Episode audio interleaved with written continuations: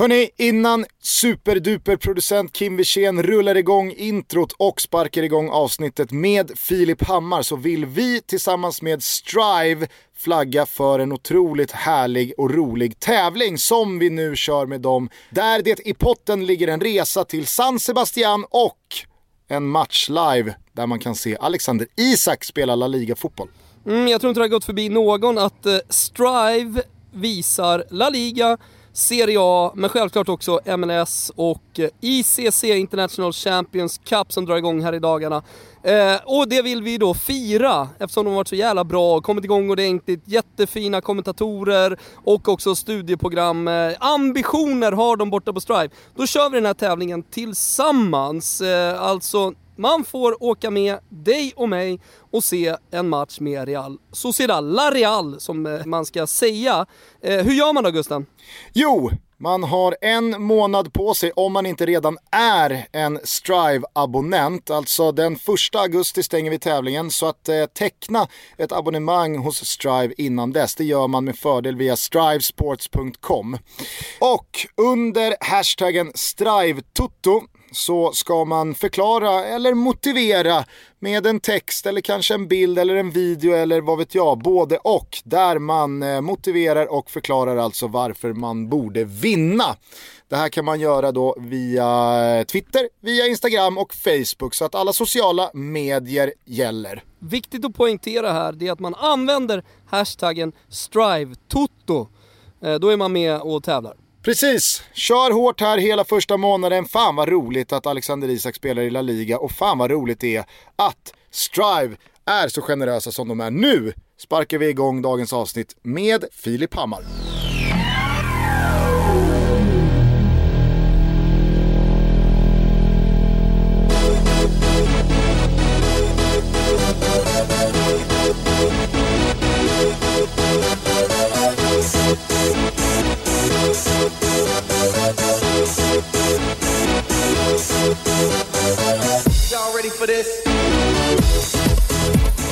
Hjärtligt välkomna ska ni vara till Toto Balutto. Idag är en eh, glädjens dag, skulle jag vilja påstå, för efter många om och men, efter ett drygt halvår, så sitter han till slut på Kungstensgatan 26. Varmt välkommen Filip Hammar.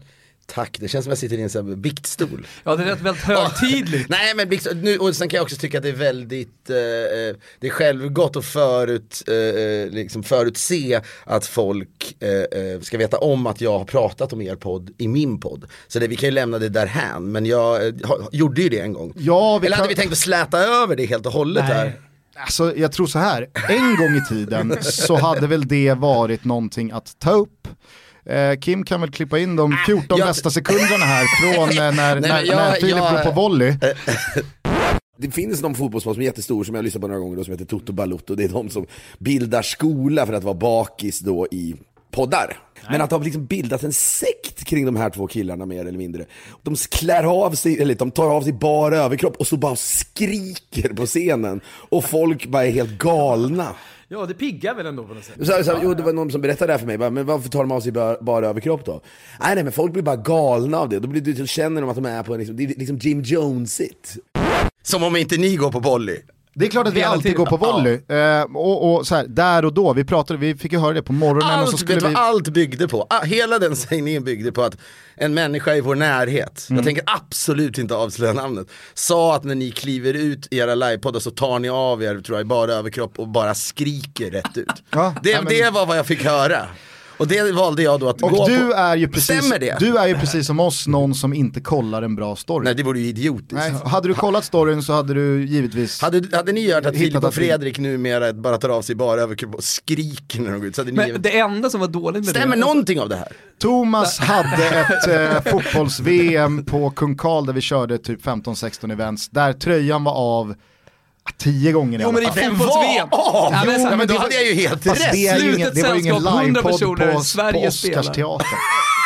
Så att egentligen var, ni hade ju nästan kunnat så PO-anmält mig eller vad det heter. Men det, en- den enda konsekvensen det fick, det var ju att när vi sen gjorde Oscarsteatern någon månad senare, då förväntade sig alla att vi skulle komma ut bar och Uber för att på något sätt, eh, ja, svar, svara Jag, det. nä, nästa gång ni kör Oscarsteatern kommer jag ut i bara överkropp. Ja, men Ja, Och härligt. primalskriker. och primalsk. Och sippar ner gylfen. Ja men det, fann, det fanns en, eh, en ja, men det, det man gillar apropå volley och det där och jag, byggde, jag snickrade ihop någon tes i realtid där men det finns, det var någon det fanns ändå någonting, och det här är bortom hela eh, att jag, vad jag snackade om i podden och anklagade er, är att, att det, har, det har pågått någon slags intellektualisering av sporten lite i Sverige som jag tycker har varit positiv, där man märker att folk som kanske Ja, men att börja gilla text, att börja gilla att formulera sig, att börja läsa. Där tror jag så att Simon Bank och, och Erik Niva har haft en stor roll i det. Och att få, att sätta, att jag mindes eh, fotbolls-VM i Brasilien, då kommer jag ihåg att jag mässade de två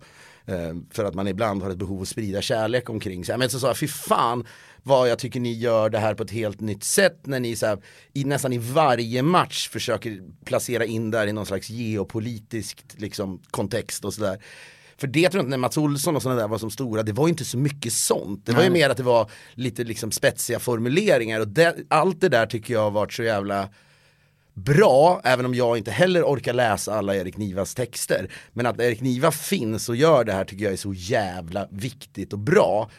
Och jag tror att det där ändå har gjort att fler börjar läsa och då tyckte jag det bara var intressant om vi nu såg en ny era där Thomas bara går ut och skriker i bara överkropp. Så att fotbollen nu hamnar liksom numera huliganiserad istället igen. Fan Där var jag, det! fan vad jag känner mer och mer att du, du var nog närmre sanningen än vad jag ville det är bara för att inse. vi kommer direkt från Göteborg och med ja, och jag tror också så här, jag vill ibland distansera mig från hur Thomas beter sig. Ja, men lugn nu. Ja, men det vill jag. Alltså, jag, Det är bra, så ska, så ska det vara i en podd. Men jag hörde något av era avsnitt för någon vecka sedan där eh, du, precis som då, på ett sätt liksom så här, gick på volley, lät eh, vad jag liksom misstänker ditt, eh, liksom, ditt sinne sväva fritt och landade i att eh, den gamla Sirius-kaptenen Niklas Busch Thor då gillar att skattbajsa på eh, ett glasbord. Eh, Vad var det det jag sa? Ja men ni pratade om Ebba Busch Thor. Ja men jag vet, men det var, var, var för jag, jag, det här är nu får det här bli väldigt, tror var av, rubriken väldigt också. avklätt att jag inte kommer ihåg mer. Nej, men jag, jag vet jag att tror jag, att hela segmentet hängdes upp på någon Tom Waits-rad som var typ “You're innocent when you dream”. When Precis, you dream. Väldigt fin, Eh, att den raden golvade mig Ja. när jag hörde den. Att det är, eh, eh, jag tror det var min flickvän som sa till mig någon gång, lyssna på den här.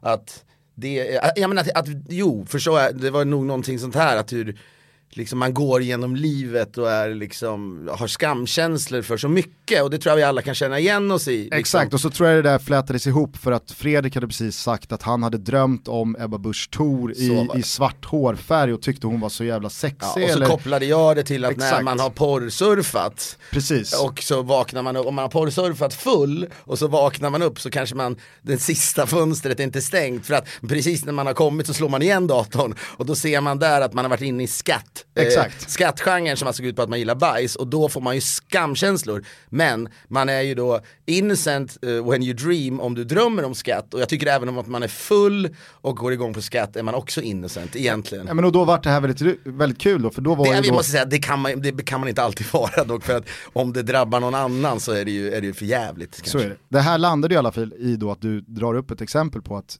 just Niklas Busch som inte, alltså så här, ni greppade aldrig att det är Sirius. Ja, jag men- trodde, jag trodde du visste att det var liksom så Jag här, har- Mr Sirius och lagkapten Jag har i... någon gång hört eh, någonting om det. Han blev spinninginstruktör i ert avsnitt. Ja men det är ju samma sak som att vara kapten i Sirius. men, men, han, men, eh, men, men det var väl mer liksom eh, Ja, men det, det, sådär, när man gör en podd och sådär så kan jag nog, det där liksom ringar in allt jag, You're innocent when you're dreaming är nästan något av det viktigaste jag har tagit med mig för att jag tror att eh, Just skam, det är liksom min enda kamp nästan att säga vad fan Låt människor vara som de var, låt, låt dem drömma, låt dem bajsa på ett glasbord om människan under glasbordet tycker det är okej. Där ringar det, det är exakt vad jag tycker, det är min politiska kampanj.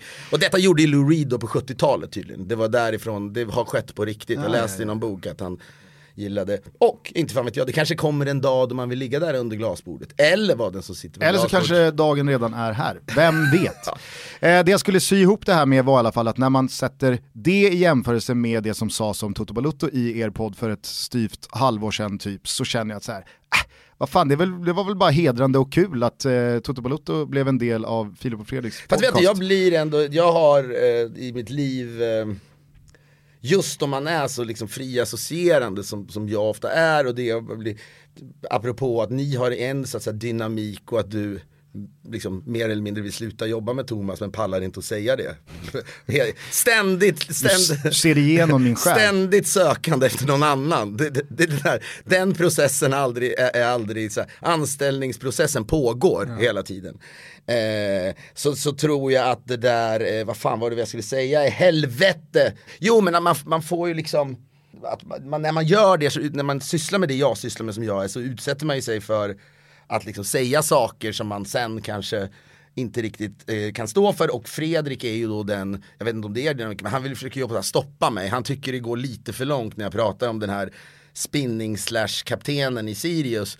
Eh, men där tror jag mycket av vårt, liksom, jag tror vår podd hade blivit värdelös om han inte försökte stoppa mig. Den hade också blivit värdelös om jag inte sa det där. Så att, Ja, så men, att- det men- men- det men- tror jag är mellan oss också, alltså mellan mig och Gusten. Alltså, det hade såhär, inte mellan oss, vi gör en podd, det lät som att säga, det kan vi inte Ja. prata Jag tror att jag föreslår ju för vår eh, producent Kim Wirsén att klippa någonting Thomas har sagt betydligt oftare än vad Thomas, Thomas du har väl aldrig sagt till Kim, klipp det där.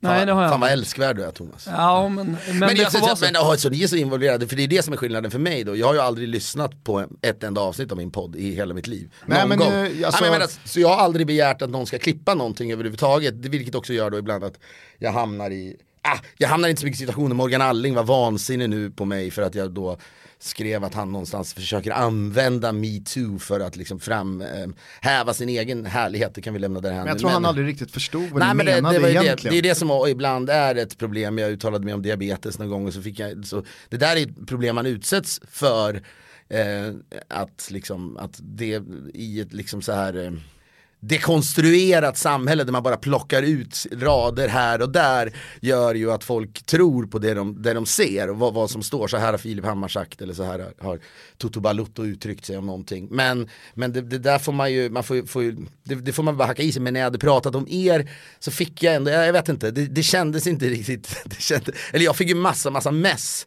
från vänner i vår, vi har, det finns en sån här det finns, vi har gemensamma bekanta, har det gått upp för mig. Och de var liksom såhär, nu gick du för långt, fan de där, det är världens snällaste killar. Nu träffar jag er så, så, så förstår jag att det är så. Nej men, så det var väl det. Men, eh, ja, jag menade ingenting illa, jag, tyckte, jag försökte se en tes. Och jag, och jag trodde att ni bara gick ut och primalskrek. Ja, och vad fan, det var, det var bara kul. Jag, Det var det Niklas Niemi hade messat till mig, nämligen att de gjorde. Ja, men, Nej det var inte, det var inte Men jag tror att folk på Oscarsteatern när vi hade vår livepodd den månaden efter blev besvikna att vi inte svarade på, eh, på, svarade på det genom att gå ut och primalskrika, i alla fall i slutet av, av Men showen. snart kommer ett avsnitt 300. Så att, eh, du Men ni borde väl fan ha välkommen. gjort det, det var fan dåligt av er Ja men det var Gusten det. som stoppade det, det var han som Varför då? Ja men Det- för han det är är, försiktig Gusten, han det är ju- är... Han det är ju får- paketering och cirkelslut, det är att göra show. Tack. Ja, alltså Thomas, du ska nog inte sitta här och... Ja? Tala, tala, ja, men du gjorde ju ingenting till det avsnittet. Så att, Nej, det är visserligen sant. Hade du bidragit med 50% av innehållet Ja, men- till men har inte den du podden- Någonting som jag försökte bidra med var ju att vi skulle gå ut och primalskrika. Ja, Men har inte du, du har mycket mer jobb än det här att ja. göra. Jo, så är det ju. Alltså, det känns som att du har bilden av Thomas att han har mer jobb än vad jag Ja, har. det har Men det är för att jag ser honom i definitivt. tidningarna. Ja. Ja, okej. Ja. Skitsamma, eh, innan vi bara eh, lägger eh, den interna beundran på hyllan så vill jag, jag vet inte vad du säger Thomas, men jag vet att eh, vår producent Kim håller med eh, mig i alla fall när jag säger att eh, fan, du är en stor anledning till att jag gör det jag gör. Och jag tycker att eh, du och eh, Fredrik ska ha en jävla eloge för allt ni har gjort under 15, snart 20 år. Det är, nej verkligen. När Gusten säger det, han har sagt det i andra sammanhang, alltså. jag vill absolut inte dra ner, Jä- jättefint, jag håller med och eh, också eh, alltid eh, sett, se- se- sett mot er, alltså, om vi ska göra någonting inom eh, fotbollen, sport-tv och så vidare så har vi alltid tagit er som inspiration, jag och Gusten, när vi har diskuterat. Men en sak som man borde ta som inspirationskälla från er, det är hur hårt ni arbetar. För det känns som att ni arbetar otroligt hårt och, och mycket för att eh, liksom, få till alla produktioner som ni har gjort och dessutom extremt kreativa. Först av allt måste jag säga att jag processar de här vackra orden med en stor portion ödmjukhet, givetvis. Jätte, eh, alltså jag blir jävligt glad. Eh, för att man har för, eh, ja, men inte vet jag, man har gått på sitt man har gått på sin, sin egen intention och inte så att säga anpassat sig så jävla mycket. Och det måste jag säga, då har vi haft jävligt tur och hamnat exempelvis på en kanal där vi faktiskt sjukt nog får göra precis vad vi vill. Många tror att man skulle få ha en friare, ett friare liv på Sveriges Television, det skulle man ju knappast ha.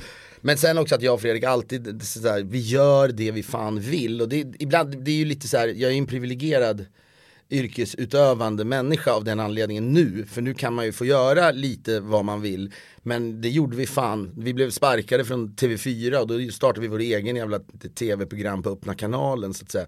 Jag tror att det är fan nyckeln till ett, till ett lyckligt eh, eh yrkesliv. Eh, och att, att liksom fan, gör det du känner för. Sen kan man ju ha ett yrke där man bara väljer, jag vill bara ta mig igenom yrket och sen är det som händer efter arbetsdagen, det är mitt liv. Men om man nu vill ha ett jobb som är sammanflätat med ens intressen så tror jag på det sättet man ska göra det. Så att, eh, men det är klart, visst fan jobbar vi hårt med Fredrik, jag vet inte vad som har hänt med honom. Han, nu, han bor bo ju i Frankrike nu. Eh, och spelar, har tagit upp golf igen och golfar varje dag. Fan vad härligt. Det är både härligt och... Jag sköt 18 i morse. Jo men det, det klär dig på något annat sätt av någon anledning. Men han, du känns väldigt mycket, det känns som att du, du ägnar all din tid i den här italienska sportbaren vid, eh, på Söder där, vad heter den här, den här parken? Hög, hög, Ensos. Ja, nej, Café dello Sport. Ja. Eh, Jaha, nej. Vi pratade om den nyligen ju med polacken som släppte en baristas bekännelser och när Aurelio där, De Laurentiis, De Laurentiis ja, du, så, du har något, Det finns något elegant över dig som, som liksom så är, är, är i fullständig samklang med golfandet. Men jag vet inte, Fredrik eh, han har börjat golfa, vi har inte så mycket kontakt just nu. vi, vi älskar varandra, ingen fara på taket men det här med hårt jobbande, han, det, han, det, kanske, det är lite så här eh, Sven Tumba över honom. Han var väl den första svenska idrottaren, nu inte Fredrik, som flyttade till Florida. Och sånt där. Det känns som Fredrik har börjat pensioneringen nere i den franska sydkusten. Men är inte ni mitt inne i inspelningen? Jo men det är vi, vi håller på att spela in den andra säsongen av Alla mot alla. Eh, men då sitter Fredrik mycket och skriver manuset där nere. Eh, och då får han väl liksom sitta för sig själv och det mellan golfrundorna. Så att och blir ännu större nu va? Alla mot alla. Jag har ingen aning, alltså det, det där har varit skit så jävla roligt och det är, det är väl ett tecken på det där när man säger att man är privilegierad för att vi, idén, det var ju liksom typ fyra veckor innan det där programmet hade premiär så sa vi det här är vad vi vill göra. Och då var de rätt tveksamma, liksom, helt förståeligt. Vet ni vad det här programmet är? Och då står alltid Fredrik och säger ja, ja, ja.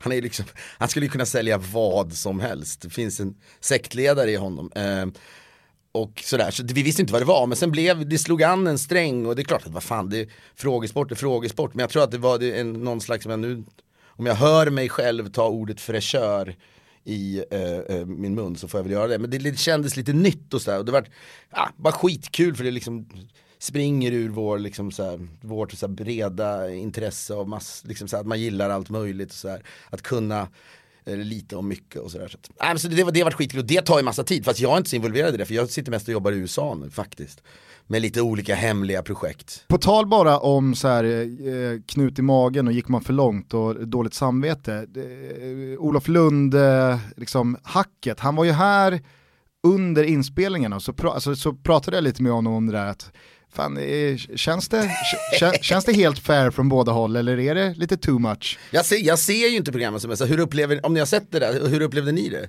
Alltså vissa stunder så känner jag så här, då såg jag Olof, att så här, nu är han inte glad.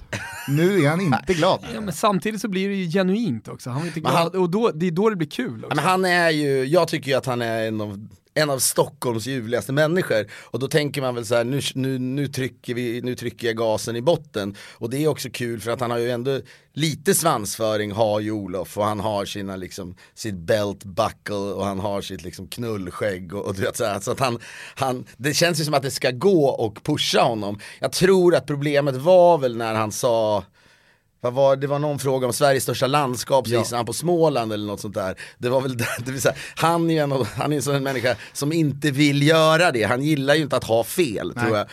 Eh, och så, så, när han hade åkt ut så stod vi utanför studion där, då stod han bara och stirrade ut i det tomma intet. Och jag sa Olof, Olof, och så skulle han åka då, skulle han tack taxi hem.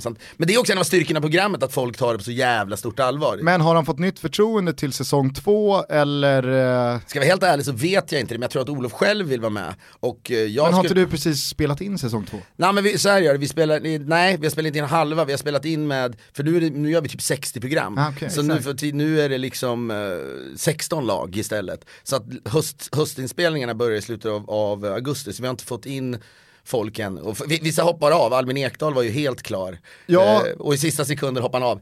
Men så där Res- är, så där är Ja, det att jobba, respekt, jag exakt. respekterar honom för detta men det är trist bara för jag tror att Albin Ekdal hade gjort bra ifrån sig. så här, jag tror att det kan ha varit bra för Albin att det inte blev av. Varför För- då? Nej, jag tror att han hade blivit synad.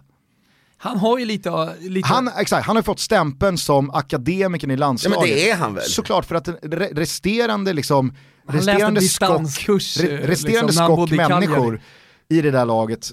Men han det- kommer ju från en väldigt begåvad familj, det finns ju gener, Absolut. dundergener. Jag, jag säger ingenting om generna, jag säger ingenting om familjen och jag säger, ing- alltså så här, jag säger ingenting om Albin, men jag tror att han hade blivit Fast Han du har säger- ändå levt vänta ett omklädningsrum hela Du livet. säger ju massor om Albin, du säger ju att han skulle bli synad. Jag tror att han du hade blivit synad för att man i sitt omdöme av Albin Ekdal jämför honom med andra fotbollsspelare. Jag kommer ihåg när... Ja, du menar att han, han blir en slags Han fotbollsvärldens Sartre bara Precis. för att han inte är Jag omgiven kommer, av Sartre? Jag kommer så väl ihåg när Donald Trump hade vunnit vunnit valet och eh, det sammanföll med en landslagssamling och så fick alla, ut, alla liksom frågan, vad säger de om att Donald Trump har blivit president i USA?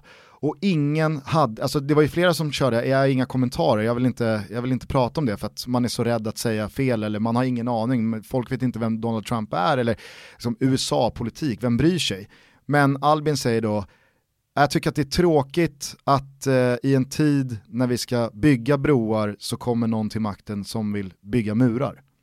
Och det, alltså så här, det var ju bra sagt. Det är helt okej tycker jag, måste jag säga. absolut. Men det var ju en våg av, är han vår nästa statsminister? Är det här, är det här den smartaste... Ska du klandra eh, Albin för det? Nej. Nej, men jag tror att den sägningen, sätt den i liksom ett alla mot alla sammanhang, så, så är det liksom, då, då sticker han inte ut. Nej, men vi lever ju, vi lever ju i en tid när fotbollsspelare blir kallade för il dottore för att de har gått en mäklarkurs. Alltså så här, man Men har, kan- det, kan det finnas en, så här, en, en rät linje till det när man pratar om en liksom intellektualisering av hela sportjournalistiken? Att det också finns en dröm hos oss sportentusiaster om att det ska komma den där geniala liksom, idrottaren med liksom, omnikunskaper. Gud vad härligt med någon som man vet liksom inte, inte bara är en fotbollsspelare. Jag tror att man, eller jag har alltid, man älskar att det var som någon, när någon sa till mig att Madeleine Albright, ni vet USAs gamla utrikesminister, att hon bänkar 80 kilo. Så blev jag så jävla lycklig. Det är åt andra hållet. Men Ja, när man hör ja, såhär, verkligen. fan helvete att den där tanten ligger i ett gym och bänkar 80 kilo. Jag vet inte om det stämmer. Men på samma sätt så önskar man väl att, ja, den här fotbollsspelaren skrev 2,0 på, eh, vad heter det, högskoleprovet. Så jag har ingen aning med Albin, men- och det fanns säkert i det, men jag fick, fick bara för mig att han, han gillade programmet så mycket och att han skulle gjort bra ifrån sig. Jag har ingen aning. Men vem är, vem är Sveriges smartaste fotbollsspelare undrar jag. Fan kan det vara? ja, direkt går man ju till landslaget och, och så tänker man då är det förmodligen Albin. Men nej, jag vet inte. Jag, jag skulle nog ändå vilja säga att det är Daniel Larsson, vår utrikeskorrespondent. Jaså? Jag har, jag har egna erfarenheter av hans otroliga skills i just frågesporter. Så att jag tror att är det någon som inte hade gjort bort sig överhuvudtaget, kanske till och med burit sitt lag till seger i alla mot alla, så är det eh, Daniel Larsson. tycker jag inte Lustig ganska bright? Nej, jag vet att nu, nu lyssnar ju Micke på det här också. Men det, som- vet vad som Jo, är, men nej, men det, det som är skönt är att många fotbollsspelare alltså, är är, ju helt helt ma- coola med att de är korkade. Det finns ju nästan... Framförallt så har jag 100% respekt för att det är, sak, alltså så här, det är en del av livet man får offra ifall man vill bli en av de bästa. Jag kan köpa det men jag kan också inte köpa Äh, det. jag med, För absolut. att jag menar det går ju att, att liksom tillskansa sig information, liksom, folk som är busy kan ju vara bra på något annat också. Jag tror ibland att liksom tv, när man pratar om smartphonesen har förstört mänskligheten så har väl liksom videospelen förstört fotbollsvärlden på så sätt i och med att det är det enda de gör. Det hade väl varit kul om de någon gång tittar på en film i en spelare, vem fan spelar, man hör att de fortfarande spelar kort. Det är ju helt sinnessjukt. Alltså det är så idiotiskt Fast som man man, hellre kort än att alla sitter för sig själva och Ja, vet, det är så jävla hårfint. Det, bara, det, Det finns ju ändå något slags socialt eh,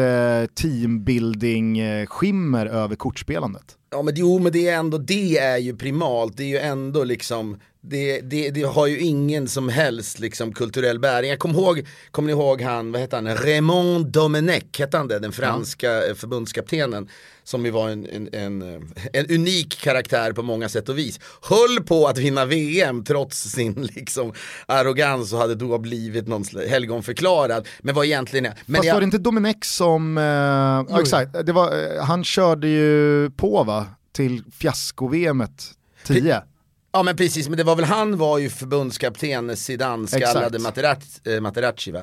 Eller vad är det? Materazzi heter förlåt Ja. mig. Oj, sådana där fel får man inte göra. Men då eh, vet jag att han tog sina spelare, tror jag, på teater för att se en Beckett-pjäs eller någonting i den stilen. Jo, Cesare Prandelli tog eh, italienska landslaget på pilgrimsvandring. Jo men det, ja, men det, ja, men det, det, det är new age, det är Ja, något annat. okej då, det, det Jannes första samling så grillade de. Men vad fan är det? Man kan ju ändå säga så här, det, det, men det där är... Det om något är primalt. Nej men alltså vad fan, jag, även Jan Andersson, känn, han känns ju, han skulle kunna varit med i Alla mot alla tror jag. Absolut. Du vågar inte säga något annat. du vet ju inte. Han kanske ska vara med. Nej då, jag har snackat med honom massvis av gånger i telefon, men han har precis Vad som- pratar ni om då? ja, men Den där typen av människor har en tendens att gravitera mot mig. Och, och be om råd om saker. Nej det har han inte gjort, men jag snackade med honom massa gånger för att vi Be om råd. Nej men vi, eh, vi visade Tårtgeneralen för svenska landslaget och då, Just kom jag, och då mässade han mig efteråt och sa att han gillade filmen och så vidare.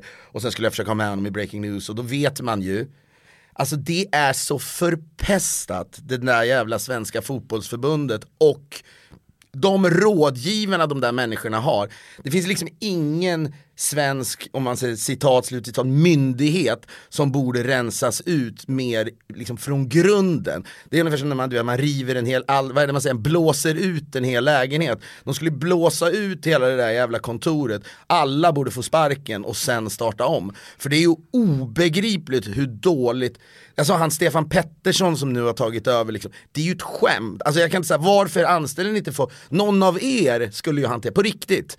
Du Thomas hade varit bäst kanske, men, nej, men alltså att ha bra råd som så här, säger till Jan Andersson att det är fan kul att du är med i eh, Breaking News eller något annat.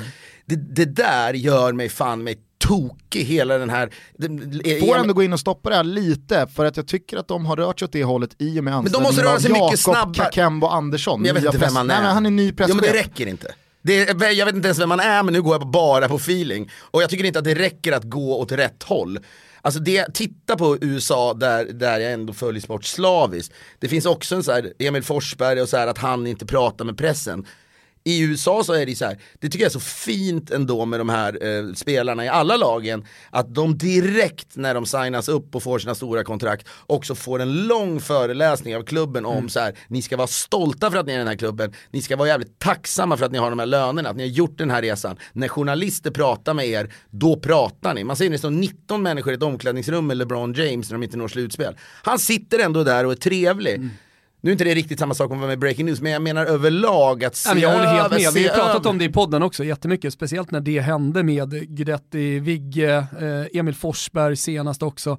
Eh, just att man lägger locket på, sen så kommer en ny samling, ja men då pratar inte Robin Olsen med media överhuvudtaget för att han Känns har en klubb... Känns som Robin Olsen har inte men han- riktigt kapital att inte prata med media. Nej, nej men så här, för att han har en klubbsituation just nu där han inte riktigt vet om han ska spela, om han ska vara kvar eller inte. säga? Så här. Hur Ja, svårt men är det att säg säga? Exakt. Men- men största problem men är också- ju också att, alltså så här, Prata, Nej, det inte, prata, mig så pra- prata inte om du inte vill prata, men gnäll inte på att andra spekulerar i vad som Men kan ha Det hänt. räcker med en rubrik för att, för- för att det ska vara mer får- eller mindre mediebojkott inför nästa samling. Men var lustig kring det då, säg liksom, vad, eller lustig det kanske inte vi kan avkräva då från de här människorna men det är ganska lätt att svara Say hello to a new era of mental health care. Cerebral is here to help you achieve your mental wellness goals with professional therapy and medication management support. 100% online. You'll experience the all new Cerebral Way, an innovative approach to mental wellness designed around you. You'll get a personalized treatment plan from a therapist, prescriber, or both in a safe and judgment free space. Your Cerebral therapist or prescriber will outline a customized plan with clear milestones along the way so you can get to feeling your best. With Cerebral, you're not alone in your mental health journey. We're here to empower you to live a fulfilling life. So take that first step towards a brighter future and sign up today at cerebral.com slash podcast and use code ACAST to get 15% off your first month. Offer only valid on monthly plans. Other exclusions may apply. Offer ends July 31st, 2024. See site for details. På ett trevligt sätt med ett leende. Jag vet att ni vill veta, jag har ingen jävla aning vad som händer. Och nu tror jag att det går kanske i rätt riktning då tack vare den här Jakob, jag måste kolla upp honom. Han, Hans fräl, en frälsare är född. First order of business var ju att så här, ni vill ha Janne, jag löser det, sagt till Janne, du ska självklart vara med i Sveriges största fotbollspodd och så får du vara lite jävla bjussig. Men var med i Breaking News också. Så att säga. Jakob Det- lyssnar. Du kan Men, vända nej, dig men jag, direkt jag, honom. känner- jag tycker Jakob borde ta in mig och Fredrik så ska vi föreläsa för det gänget om hur man ska jobba. För är det någonting vi är hyfsat bra på så är det just på att hantera det där, den typen av grejer och inse det de inte ser i ett landslagssammanhang, vad det än är. Nu tycker jag ju faktiskt att Peter Gerhardsson känns lite, han känns weird på något sätt, eller? Det är men han nå- känns inte som håller ni med om att det är något som inte stämmer med Peter Gerhardsson? Det är, det, det är ju en bajare. Ja men det är något som är skruvat med honom ändå. Jag garvade till, han sa inte ens min fru eh, förstod vad jag höll på med när han tog ut laget mot USA och så vidare. Det piggar ju ändå upp Ja, ja. med en svensk idrottsledare som säger det. Men jag tror bara överlag, fan det här är någonting jag ändå nästan känner jag brinner för, för att jag tycker det är så synd. Det handlar inte bara om att så här, ni kan hantera det bättre. Ni har så oerhört mycket att vinna på det här. Titta på det franska laget under VM, nu handlade väl inte det bara om, när de, eh, det handlade väl inte bara om liksom hur de skötte media, men där har man sett den här transformationen, ni kommer säga förra, det var väl VM, jag vet fan, VM i Sydafrika var det ju fullständig katastrof i det Precis. laget. Med Nasri och alla de här som var borta. Den resan de har gjort, jag följer ju dem fan alla spelare på Insta. Men så bra stämning de har nu på sina eh, landslagssamlingar och hur de hanterar media, hur glada de är och Pogba dansar ihjäl sig och när de vann guldet när han står och sjunger, finaste ögonblick i världshistorien, när han sjunger om Conte där utanför presidentpalatset. Grät två timmar, såg det hundra gånger. Men jag menar bara så här, Grät du verkligen två timmar? Nej, men jag grät jävligt länge eh, och jävligt mycket och går tillbaka till det. Jag, Fuktiga ögon kan jag sträcka mig till. nej men jag, ibland när jag är full och kommer hem och när jag har tittat klart på de här skattklippen så brukar jag, brukar jag Mässa Niklas Busch brukar- och skriva, är du vaken? Nej, eh, men det borde jag göra.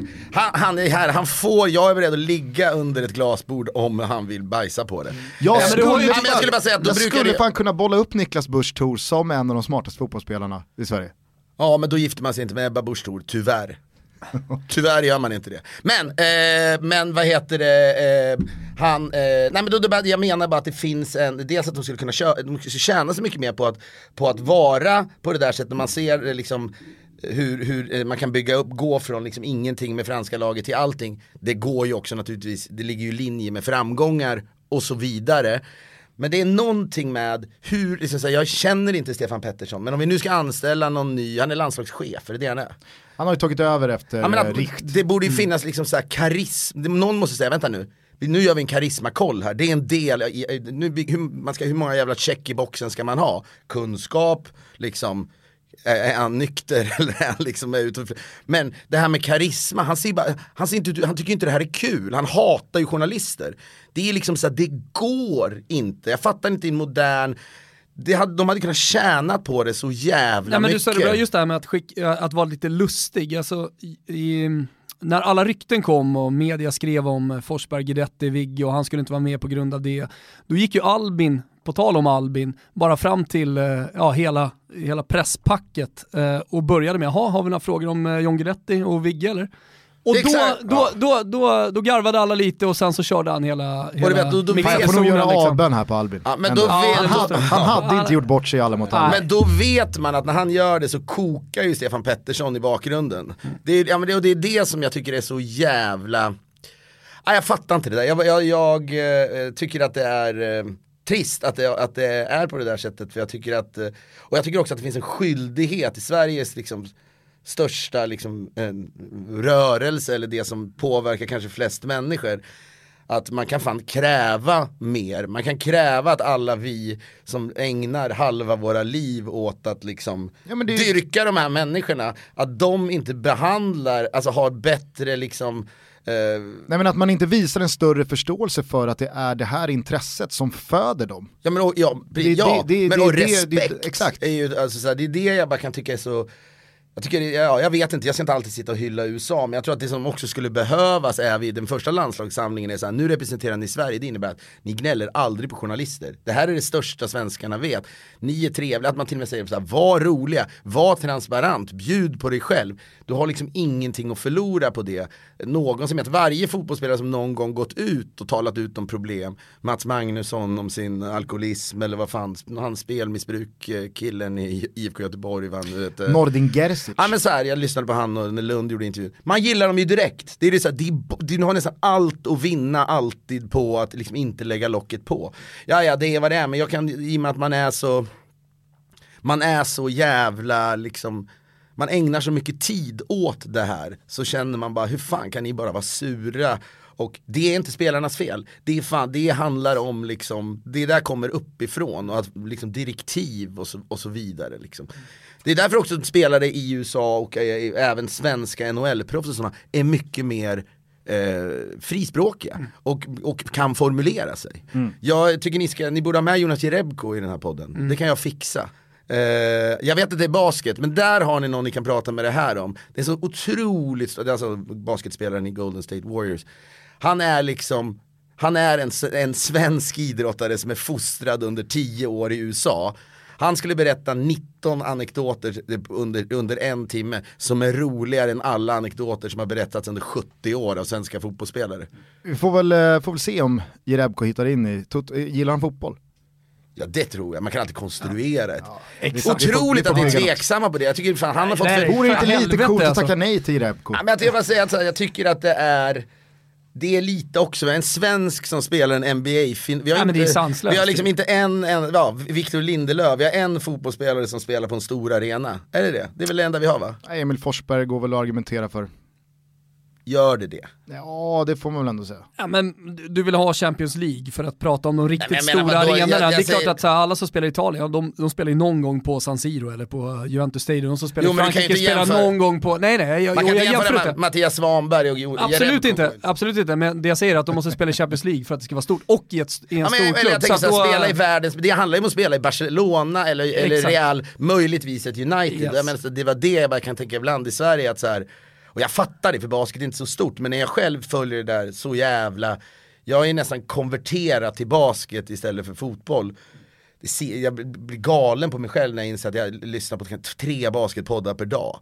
Det, vad håller jag på med? Kasta bort mitt liv. Nej, nej, jag, pratar, men jag pratar ofta med, jag, min kompis är landslagschef i basketen här hemma i Sverige, så pratar vi ofta om då, jämförelsen mellan, mellan fotbollen och, och basket. Han, han får ju leva ett liv i ständig frustration i och med att eh, liksom, basketen är så stor i hela världen. Du kan ju gå till klassiska fotbollsländer, Italien, Balkan, Grekland, Spanien, ja. Grekland. Eh, basketen hur stor som helst, men i Sverige så slår det fan i mig aldrig. Vi har Tänk att det är- EM för damer nu som ja, ingen har skrivit om, ingen har pratat om. Men du vet att du ser med. på eh, Litauen och de där små länderna, Litauen och Lettland har fostrat NBA-stjärnor. Ja. Och sen har vi, sen vi Jerebko nu, det var, han är inte liksom startspelare, men lik förbannat, det där, hela USA är ju liksom helt uppslukade i det där så länge. Och visst, nu har han fått lite små artiklar här och där, men vi har ju en det finns en så här, vi skriver hur mycket om som helst om det här liksom NHL-spelarna.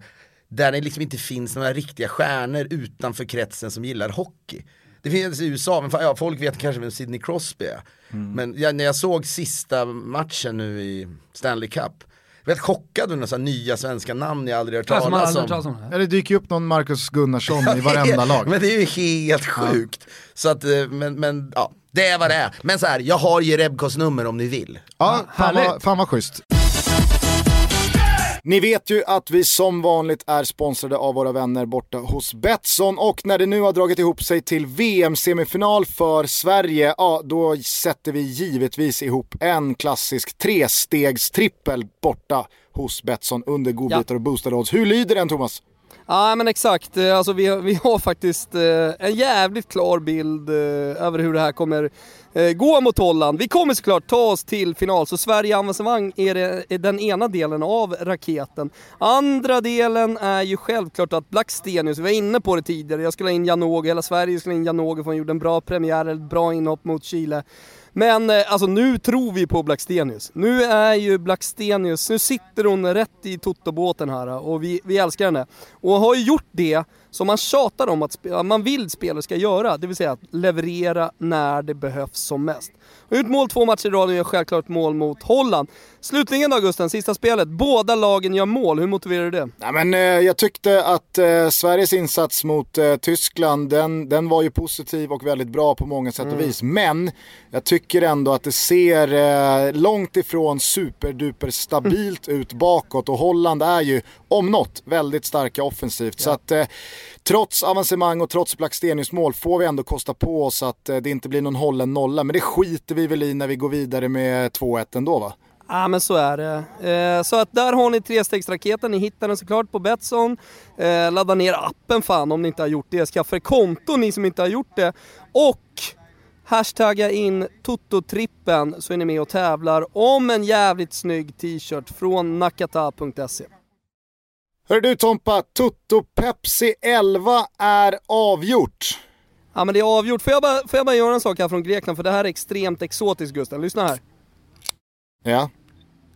Ah, man öppnar alltså Pepsi-burken.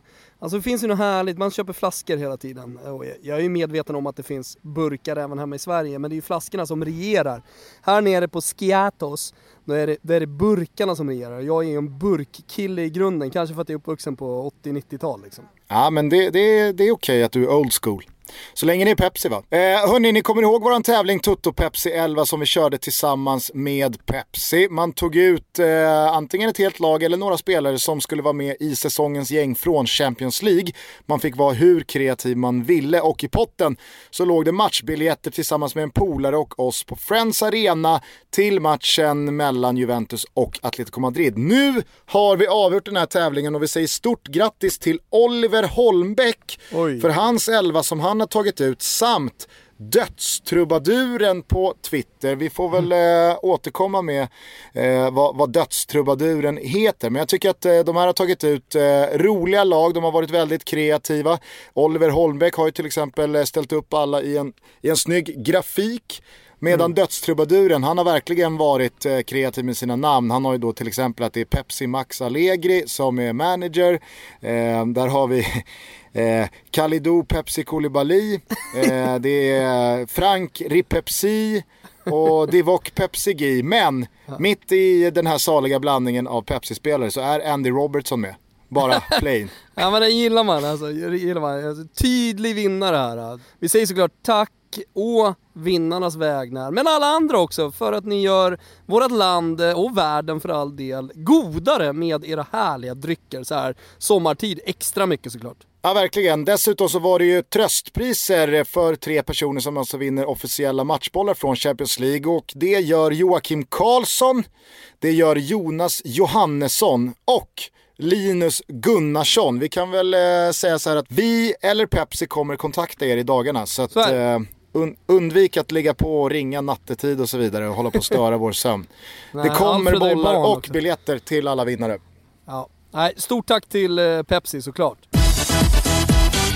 Med det sagt, ska vi bara bränna igenom faktarutan? Den Yes. får ju alla våra gäster. Jag tycker inte Har ni snott den av Ulf eh, Lund eller? Absolut nej, inte. Nej, nej. Jag trodde att han var den som tog in den i poddvärlden. Ja men det, alltså, Lund var ju igång innan oss, så att det är väl klart att han var ju före oss med en faktaruta. Men faktarutor. Men han var ju nog inte först i världen med att ha en faktaruta. Dessutom så är hans faktaruta lite mer av så här, han tillåter ju inte sig själv, jag tror inte han en enda gång har reagerat på ett svar eller liksom så här förlängt ett svar utan han biter sig nej, i tungan. nej. Svarar någon något häpnadsväckande Men Anders Svensson, gjorde så, inte han måste, det? så måste han gå vidare till nästa fråga. Vi låter ju vår faktaruta mer vara ett fundament för ett helt samtal. Nu är vi typ 45 minuter in i podden. Shoot, kör den Så här. att, eh, vi, kör vi, vi, kör lite på högre växel. Fullständigt namn, Lars Filip Hammar, ålder. 44, Hur skulle din bästa vän beskriva dig? hopplös. Tyckte du att det var rätt eller fel av Helsingborg att kicka Sören Kratz efter dennes förvisso alldeles för långa men också fullt begripliga ärevarv på Söderstadion 2002? Gjorde de det? Du minns Han- När Hammarby vann guld? Året efter, alltså Sören Kratz vinner ju guld som Ja, Hammarbytränare det är absolut, 2001. det är väl något av det sjukaste som har hänt i Sverige att han sparkades väl? Ja, exakt, men han fick ju veta på sommaren att vi kommer inte förlänga ditt kontrakt och vi har gjort klart med Anders Linderoth. Så att Kratz visste att det här blir det sista jag gör. Så går de ju mot alla odds och vinner klubbens första guld på 104 år eller vad fan det var. Eh, hamnar i Helsingborg året senare, kommer tillbaka till Söderstadion, torskar med 3-1.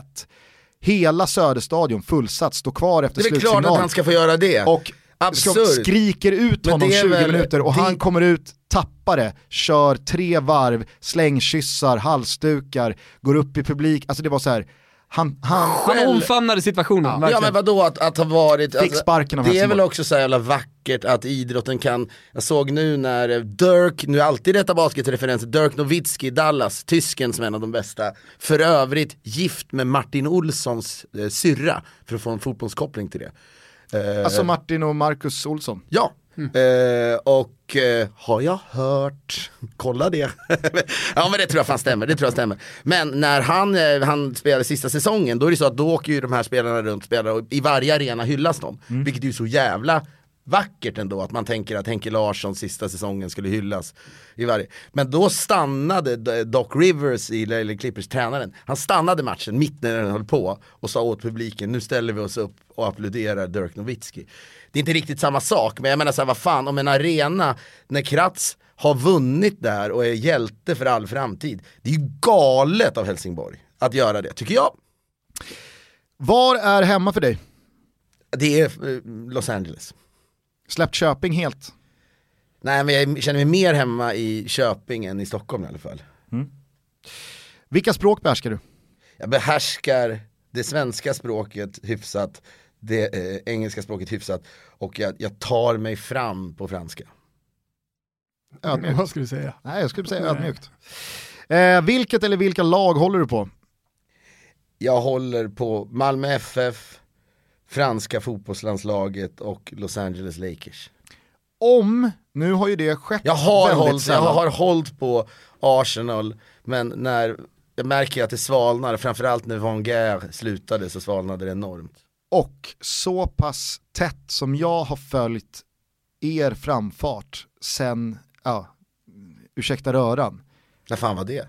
21 kanske? 2001? Jag Ja, har, jag gammal, har, nej nej, men alltså så här, jag, jag har varit med från start, konsumerat allt. Eh, Första gången jag hör att det finns någon slags Arsenal-koppling här.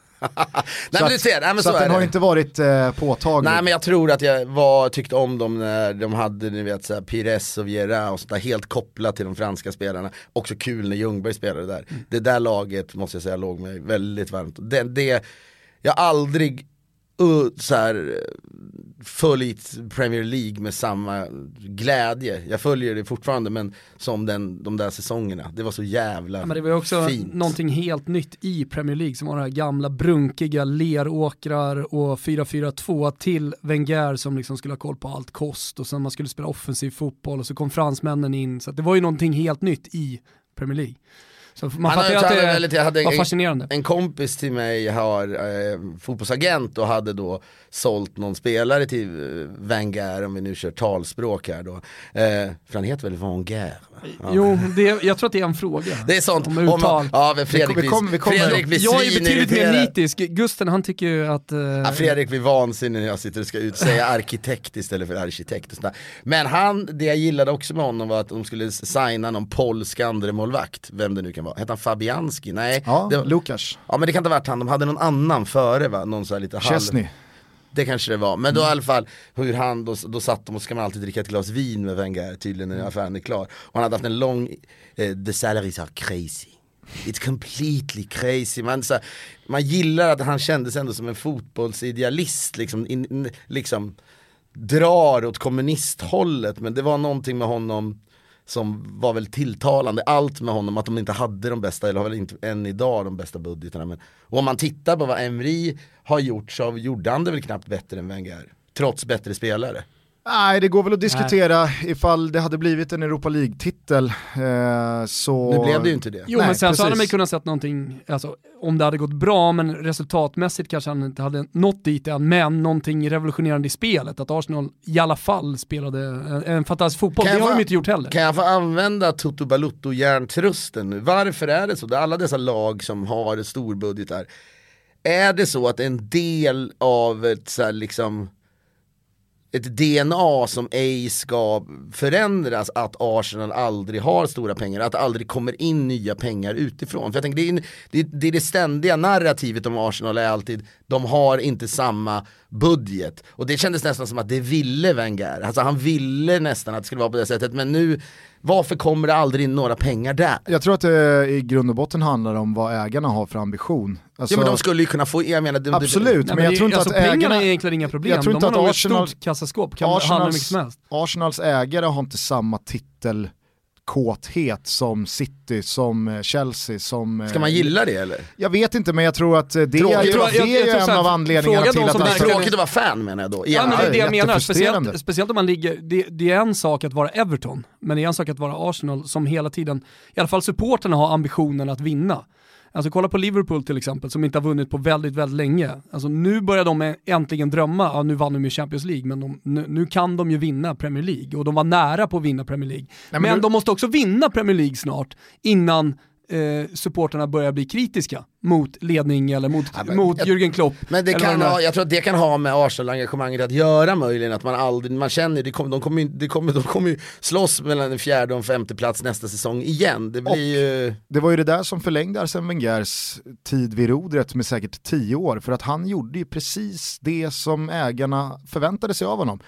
De ville ha en Champions League-plats för det är då de stora pengarna kommer in. Han löste det år efter år efter år efter år. fan, sen det så är var ju de ändå 15 pin- guldstjärna på det. Ja, sen så var de 15 pinnar bakom en ligatitel, den var de aldrig nära. De var utöver eh, finalen 2006 i ärlighetens namn aldrig speciellt nära en Champions League-titel heller. Men det kom en fa Cup-titel varannan, var tredje säsong och så kom den där Champions League-platsen som ett brev på posten. Och det gjorde ju ägarna, alltså så här, Jo men samtidigt, Arsenal är ju alla, inte alla nöjda och glada utom supporterna som kom från en tid med Wenger, samma tränare.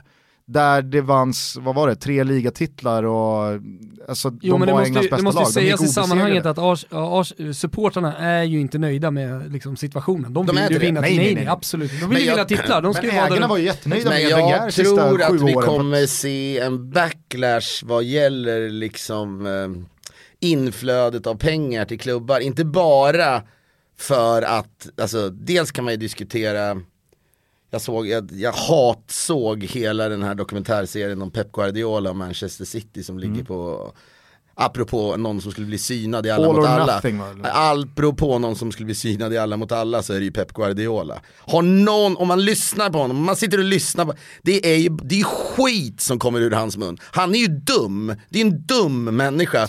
Men- Fan, vad, vad baserar du det på? han, är, alltså, han vet vad han är bra på, han är ju bara bra på han har ju möjligheten att, att liksom äga ett Men omklädningsrum. han är motivator. Nej men så här, det är ju, man kan säga mycket om Zlatan men han kallar honom för filosofen, det är så jävla spot on. Det är så lätt, lyssna, det, så här tror jag att det är nämligen, när du har Nu höjer Filip handen här. Som att, Nej men jag tänker, det vi har, nej, men det har snu, tangerar någon slags liksom röd tråd där, men man, man pratar om att fotbollsspelare inte är eh, alltid så liksom intellektuellt bevandrade eller till och med ibland då inte så smarta.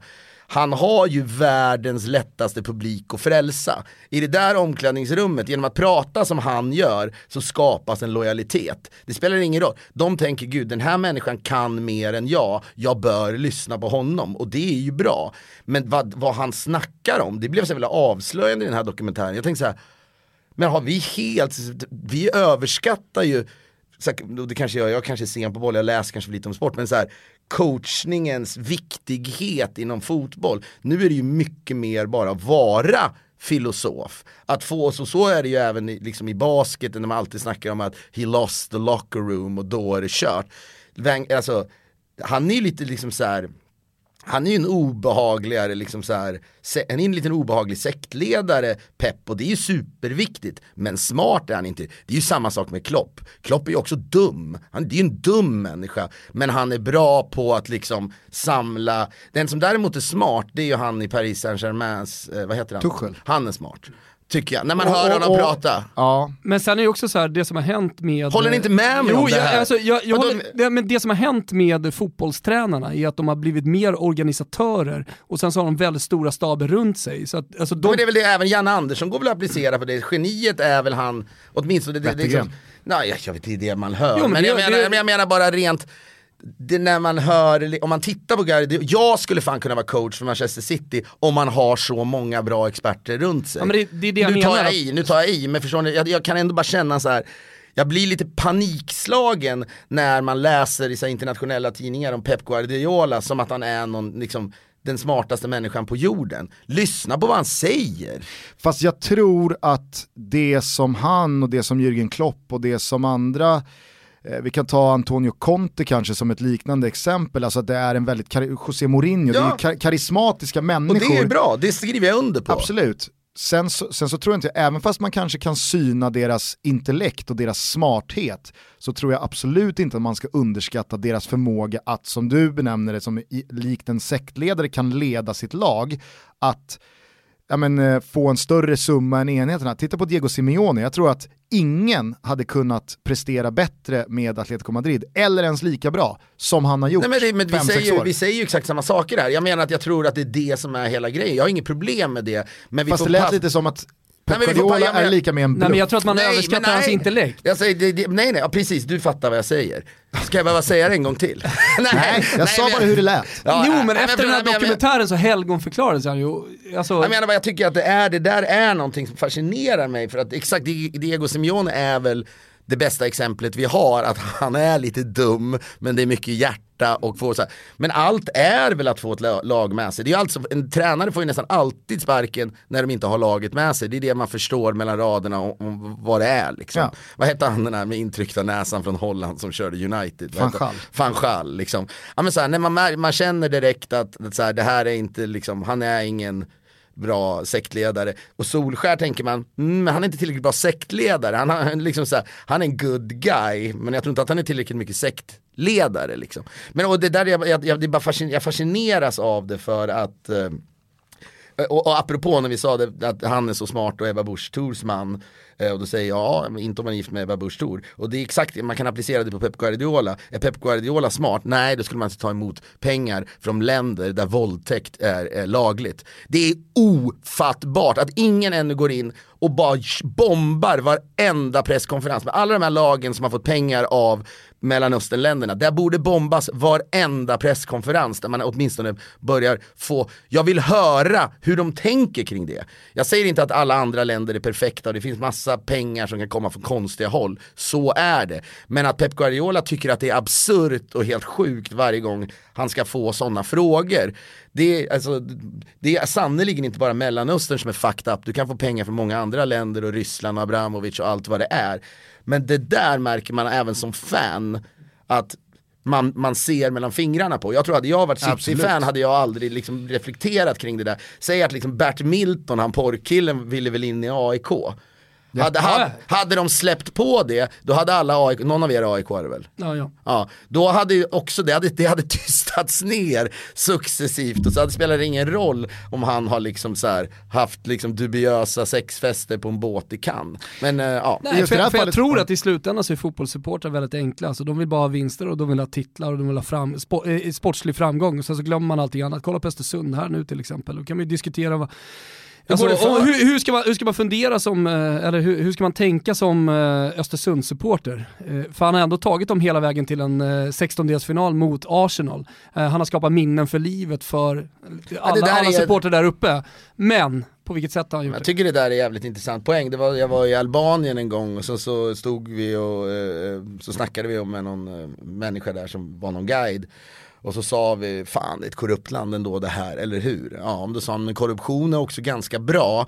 För att de här vägarna hade aldrig byggts i det här landet överhuvudtaget om det inte fanns korruption. Och jag tror vi i Sverige är dåliga på att inse, i och med att vi då är ett av de minst korrupta länderna i världen, att det kanske ibland, det är dåligt, men det kanske ibland behövs korruption för att få igång en process. Jag säger inte att det är bra återigen, men samma sak med Östersund. Hade det där hänt utan hans, eh, vad heter han nu igen? Eh, Kindberg. Kindberg, utan hans affärer, förmodligen inte.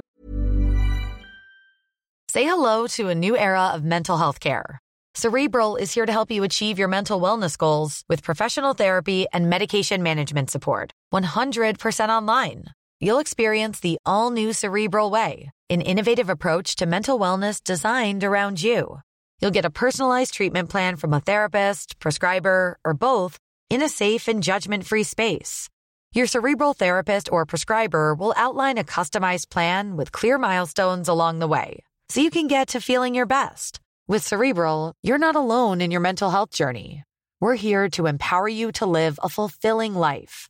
So take that first step towards a brighter future and sign up today at cerebral.com slash podcast and use code ACAST to get 15% off your first month. Offer only valid on monthly plans. Other exclusions may apply. Offer ends July 31st, 2024. See site for details. As a person with a very deep voice, I'm hired all the time for advertising campaigns. But a deep voice doesn't sell B2B, and advertising on the wrong platform doesn't sell B2B either. That's why, if you're a B2B marketer, you should use LinkedIn ads. LinkedIn has the targeting capabilities to help you reach the world's largest professional audience. That's right, over 70 million decision makers all in one place. All the big wigs, then medium wigs, also small wigs who are on the path to becoming big wigs. Okay, that's enough about wigs. LinkedIn ads allows you to focus on getting your B2B message to the right people. So, does that mean you should use ads on LinkedIn instead of hiring me, the man with the deepest voice in the world? Yes. Yes, it does.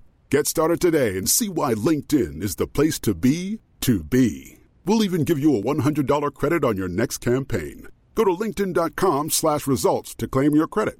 That's linkedin.com slash results. Terms and conditions apply. Jag vet, han är väl inte ens Aldrig. dömd, han är väl inte ens dömd ännu? Nej, nej. Pushad rättegång. Yes. Hade mycket kontakt. Jag- jag han, tror- han och jag messade en hel del också ett tag. Ja. Faktiskt.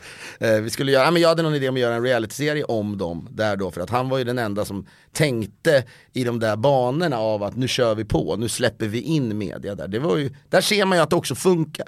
Ja, Jag tror, jag vet jag tror att det är en sån reality-serie så tror jag att jag och Gusten är, är, är, är bra att vara i de rummen. Ja, fast jag tror att eh, ni ska vara glada att ni duckade den kulan, så som det blev. Med Ja men det hade, jag hade ju aldrig liksom kunnat veta om vad, Nej, vad det var som jag hände. menar, det, det hade Men jag, jag, jag vet jag, bara tycker, jag tycker det är konstigt hela det där City-grejen och alla Jag skulle bara säga pengar. det, apropå det, så tror jag att Pep Guardiola kommer vara förbundskapten för Qatar i VM om, vad blir det, tre år. Sa vi inte, att, eh, sa det, inte Zidane det på det? tror inte jag. Nej, Då, okej. alltså så här, då är det ju spiken i kistan för att han inte ska vara med i Alla mot alla. Eller, eller Mm. Ja, ja, men jag tycker att eh, stryk hans namn från Ja, whiteboarden. men kan, kan han verkligen till världen säga, nu ska jag, jag menar om man tittar på allt vad som händer med Fifa nu med Michel Platini, min största idol någonsin i hela livet. Att hans son är chef för ett stort sportbolag i Qatar. Jag, jag tror att han är i riktiga problem. Alltså jag tror det, även om de ofta i Frankrike löser det där de är korrupta. Men kan med tanke på hela liksom Fifa och Qatar och fotbolls-VM, du menar på allvar att Pep Guardiola, det är ju i så fall om de tvingar honom, att vi inte vet att det är, kni- det är en pistol mot huvudet på honom. Kanske, men jag tror att han kommer stå där på, Ja, men på sen. Det samtidigt, finns ju det som håller på att hända med Qatars, eh, ja, men idrotten, då, handbollen först så kom dit, alltså man ser dem ta steg för steg för att ta bort smutsen på något sätt. Nu är de med i Copa Men America. varför är de det? Undrade jag. Vad har det ja, stretchats det, ut? det, De har du, har in inte läst Niva, höll jag på att säga. Nej men det, det, det har varit, Japan har varit med många gånger. Ja, men de många gånger nu. varit, ja, de har varit med flera gånger. Men det, är för, det är för att de är för få länder som får inte ihop grupperna, så de har ofta tagit in länder. Andra Det- interne- interkontinentala mästare. Men borde Ja. de inte gjort, de borde ju bara ha liksom Afrika Coupe d'Afrique eller vad heter det, Afrikanska Ja. mästerskapen, de borde ha EM och sen borde alla andra länder vara med i Copa America. Inte så den borde delats upp den här världen. Ja men det, de har ju haft med nordamerikanska länder och då har man inte riktigt eh, eh, tänkt så mycket på det. Om Mexiko är med i Copa America till exempel, då tänker inte folk så mycket på det. Men nu när Japan kom med och det var länge sedan de var med senast så, så det är höjer man på någon ögonbrynen, men framförallt för Qatar. För Men är det så bara här, någon känns som ett- höftskjutning att ah, vi slänger in Qatar? Är det så? Det är, det är väl bara De för att gick ju- stärka aktierna Ja, men de gick ju bra i eh, asiatiska mästerskap. Då slänger jag in en brandfackla, jag tror inte fotbolls-VM kommer utspela sig i Qatar. Det är, det är ju mer, det är mer tryck i den spekulationen än, att, än vem som kommer Jag tror vara förbundskapten för. Qatar. Jag tror att det är för mycket, det kommer, det finns nu, ungefär som när New York Times jobbar liksom oförtrutet, har liksom anställt 50 extra journalister för att sänka Trump. Det har de inte lyckats med ännu. Men liksom världens journalister nu, alla matar ju på, det kommer portioneras ut grejer. När vi får fram exakt hur det där fotbolls-VM handlar i Qatar, då står USA redo att säga vi kör det här mästerskapet, det är inga problem. Eller England, eller Jag tror att det är för Italien. nära inpå. alltså. I slutändan så är det Der Spiegel som sänker Qatar 2022. Ja, och tyskarna skulle ju med lätthet kunna arrangera det där. Alltså, Kan jag har ju, Bachner vara inblandad i, i avslöjandet? ja, men jag tror, det finns ju jätte, naturligtvis bra människor i Qatar också, bra, människor som är bra som jobbar med det där. Det finns bra människor som skick, skickar in pengarna i City, men vi kan väl åtminstone, kan, Pep Guardiola hade vi kunnat använt sin position som liksom sån jävla världsledare på ett sätt till att prata om, kanske påverka de här länderna till i vissa fall de liksom vår bild av Mellanöstern är också helt jävla, vi har ju bastardiserat det där på ett helt sjukt sätt. Det är ju liksom lika uselt och galna lagar i andra delar av vår värld. Men varför gör han inte det? Jag blev så jävla glad när jag såg att Salah uttalade sig om feminism. Mm. Och då förväntade, var det någon jävla svensk som skrev, mm, han hade kunnat uttala sig lite mer. Så helt dum i huvudet va, att världens just nu mest uppburne muslim egentligen uttalar sig om det här. Förstår ni hur mycket viktigare det är än att någon svensk människa liksom säger någonting om det där? Jag blev oerhört lycklig av det faktiskt. Två snabba grejer bara innan Är vi klara med faktarutan? Nej, absolut inte. Två snabba grejer bara innan vi går vidare Märker med ni att jag trivs? Ja, Ja, absolut. superhärligt. Eh, du ska inte träffa Platini i stan ikväll? Är han här? Ja, han är i stan. Lennart Johansson begravdes i eftermiddag, så jag såg att han är eh, och flanerar eh, Södermalms gator. Alltså grejen är väl det med Platini att man har förstått Jag var ju så ung när jag idoliserade honom, du, alltså när det började och det var min pappa och jag, det var liksom det vi hade. Eh, och det var VM 86 och det var EM 84. Eh, det var väl hans stora mästerskap egentligen, och 82 var han väl också bra. Det måste varit sista, VM 86 var fan det sista han gjorde va? Framförallt v, eller EM 84 var ju, det var ju hans stora stund. Och den här frisparken som Subisareta va, inte kunde hålla, det var ett väldigt fult mål att vinna en, en, ett EM-guld på. Men då var han ju bara en fotbollsspelare för mig, sen mindes jag att han, det blev någon sån så här konstituerande, om jag nu, nu låter mig bara skred, snickra ihop något som förmodligen inte är riktigt sant. Men när han, när han försöker dra frisparken i krysset i eh, kvartsfinalen mot Brasilien 86. Det var någonting för mig som var så jävla härligt där att det är show också. Vad fan, ta, gör någonting, det var, det var så jävla mycket stake liksom att, att göra det gjorde att han blev nästan en så här Marvel-karaktär för mig. Liksom. Att det, det där ska man ju inte göra, det ska man ju inte göra, din jävla dåre. Eller när Zidane chippar även i, i, i VM-finalen. Men då allt det där handlade ju bara om att jag gillade honom som fotbollsspelare. Sen har man ju förstått från liksom sekund ett att han är ett as, naturligtvis. Eh, och det är ju trist. Min andra grej bara där, du sa att du eh, håller på Frankrikes landslag. Nu har ju det bara skett en gång va, i modern tid att Sverige har sprungit in i Frankrike i tävlingssammanhang i ett mästerskap. Då, Ukraina, eh, exakt, då var ju Sverige redan utslagna. Visst Men gjorde vi något, var det Zlatan som gjorde ett jättesnyggt mål då va? slog ju Frankrike med 2-0, Zlatan gjorde turneringens mål, blev det framröstat till va? Men fransmännen hade redan åkt ut också, nej de hade gått vidare. Exakt, men det jag då bara eh, hypotetiskt undrar, om Sverige och Frankrike hade mötts i fjol låt säga, i en VM-kvartsfinal, då hade du varit 100% Frankrike. Det där är väldigt besvärligt för jag kan, så här, i den mån folk bryr sig om vem jag hejar på, men det är ju, för jag tänker på det, det är provocerande när en svensk som inte har någon form av liksom etnicitetskoppling till Frankrike väljer att hålla på Frankrike. Jag vet inte om någon av er har liksom föräldrar från ett annat land. Eller så här, min morsa är från Estland. Skulle, Ja, men- skulle Estland segla upp och, och, och bli en supernation under Magnus Perssons, eller var det inte han som tränade dem? Eller? Fan? ja, jag tror ja, nej, men så här, då, och de skulle vinna, då skulle det vara väldigt lätt för mig att säga, men det är klart att jag är fan mamma och hela hennes familjs öde och så här, det är klart att jag brinner mer för Estland. Min, min franska koppling är ju liksom luddig, jag hade en farsa som var frankofil. Men jag, jag skulle hata den matchen. Jag skulle hata den matchen för att jag eh, Det är som de där liksom franska triumf, alltså det är ju lättare att man har haft de här ögonblicken med, med sina landslag. Eh, det, har- de har ju varit fler med Frankrike. Och där, och så de har skänkt, det har skänkt mig så jävla mycket Ja, men jag, jag kan verkligen relatera för att eh, jag, jag har egentligen precis på samma sätt VM 90, eh, några år yngre än dig, men eh, VM 90 med Italien eh, och min pappa är från Österrike så att där skulle man också kunna jämföra Österrikes eventuella framgångar i fotbollen om de skulle ställas inför en stor match så, så är det klart att jag skulle hålla på dem men det är Italien som gäller. För att jag har blivit Italofil för att jag har varit där mycket när jag var liten. Och, och VM 90 var mitt stora mästerskap och ja, de, de, de spelar Roberto Baggio, Schilacci alla, eh, Roberto Donadoni var det väldigt mycket för mig också. Du Eh, var ju ambivalent för ett och ett halvt år sedan, men visst fan var du ändå slagsida att du gladdes med Sverige att vi hade tagit oss till VM. eh, Jo men snarare än- samtidigt, på tal om att gråta också, så, Ah, samtidigt just så det, grät jag glömde för- bort. Den är ju, det är ju absurt att Sverige slog ut Italien. Det Ja, ju- ja. Nej, men det, var- och det var en absurd match. Alltså jag var, jag var ned, nedskickad från eh, Expressen Ja, du- du- att följa Italien. Jag gick på deras presskonferenser. Jag, jag eh,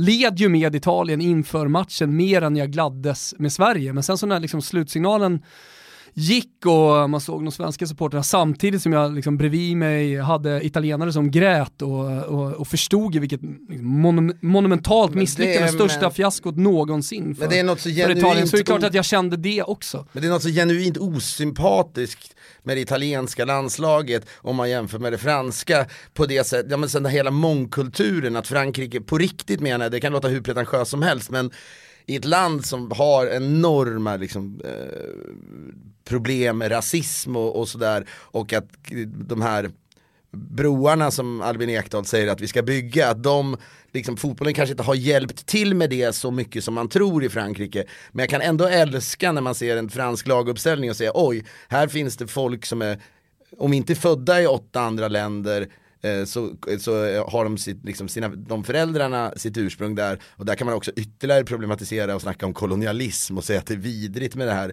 när de tar spelarna till Claire Fontaine och åker ner och ger dem för. Men jag kan ändå gilla det med Frankrike medan liksom Spanien och Italien det är liksom för mig helt obe... Hur fan kan det se ut så i Ja, de här jävla länderna? Alltså, Nej, Sverige är multikulturellt. Det där är rasism i grunden. Det måste finnas. Det var väl Laurent Blanc, den franska, som var avlyssnad på något möte va? när han sa vi måste vara mer som eh, Spanien va. Mm. Vi kan inte ha stora svarta spelare, vi måste börja ha lätta liksom. Du vet, det var helt sjukt det han sa. Eh, men eh, Och Nej, men det det är där, det du där sker varannan vecka i Italien. Nej men ja, det, ja, det Vadå? sker varannan vecka. Inte, inte ens bara avlyssnat, utan där är det liksom, vad, är, vad heter han, eh, förbundsordförande? Ja, före detta Ja. menar du? Ja, jo, han. Vad heter han? Eh, men han är inte längre. De, de har en ny nu.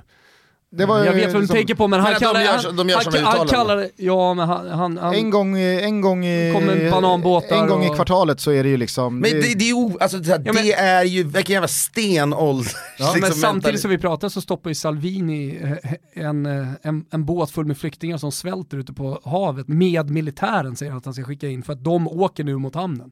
Alltså så här, det, det, det, det är ju ett land där högervindarna blåser fan nästan men kraftigast det, i är- hela jag- Det är Centraleuropa. väldigt bara sådär, det är därför, och det, jag menar, det är en av anledningarna till att, just nu snackar vi Italien och Frankrike, men bara för att avsluta, svara på frågan så tror jag att jag, eh, jag skulle bli glad om båda vinner, eller så det laget som vinner skulle kunna, jag, jag tror faktiskt det. Säg att det blir EM-final i, var ska den spelas nästa år? Det vet man väl inte än, eller är det Wembley?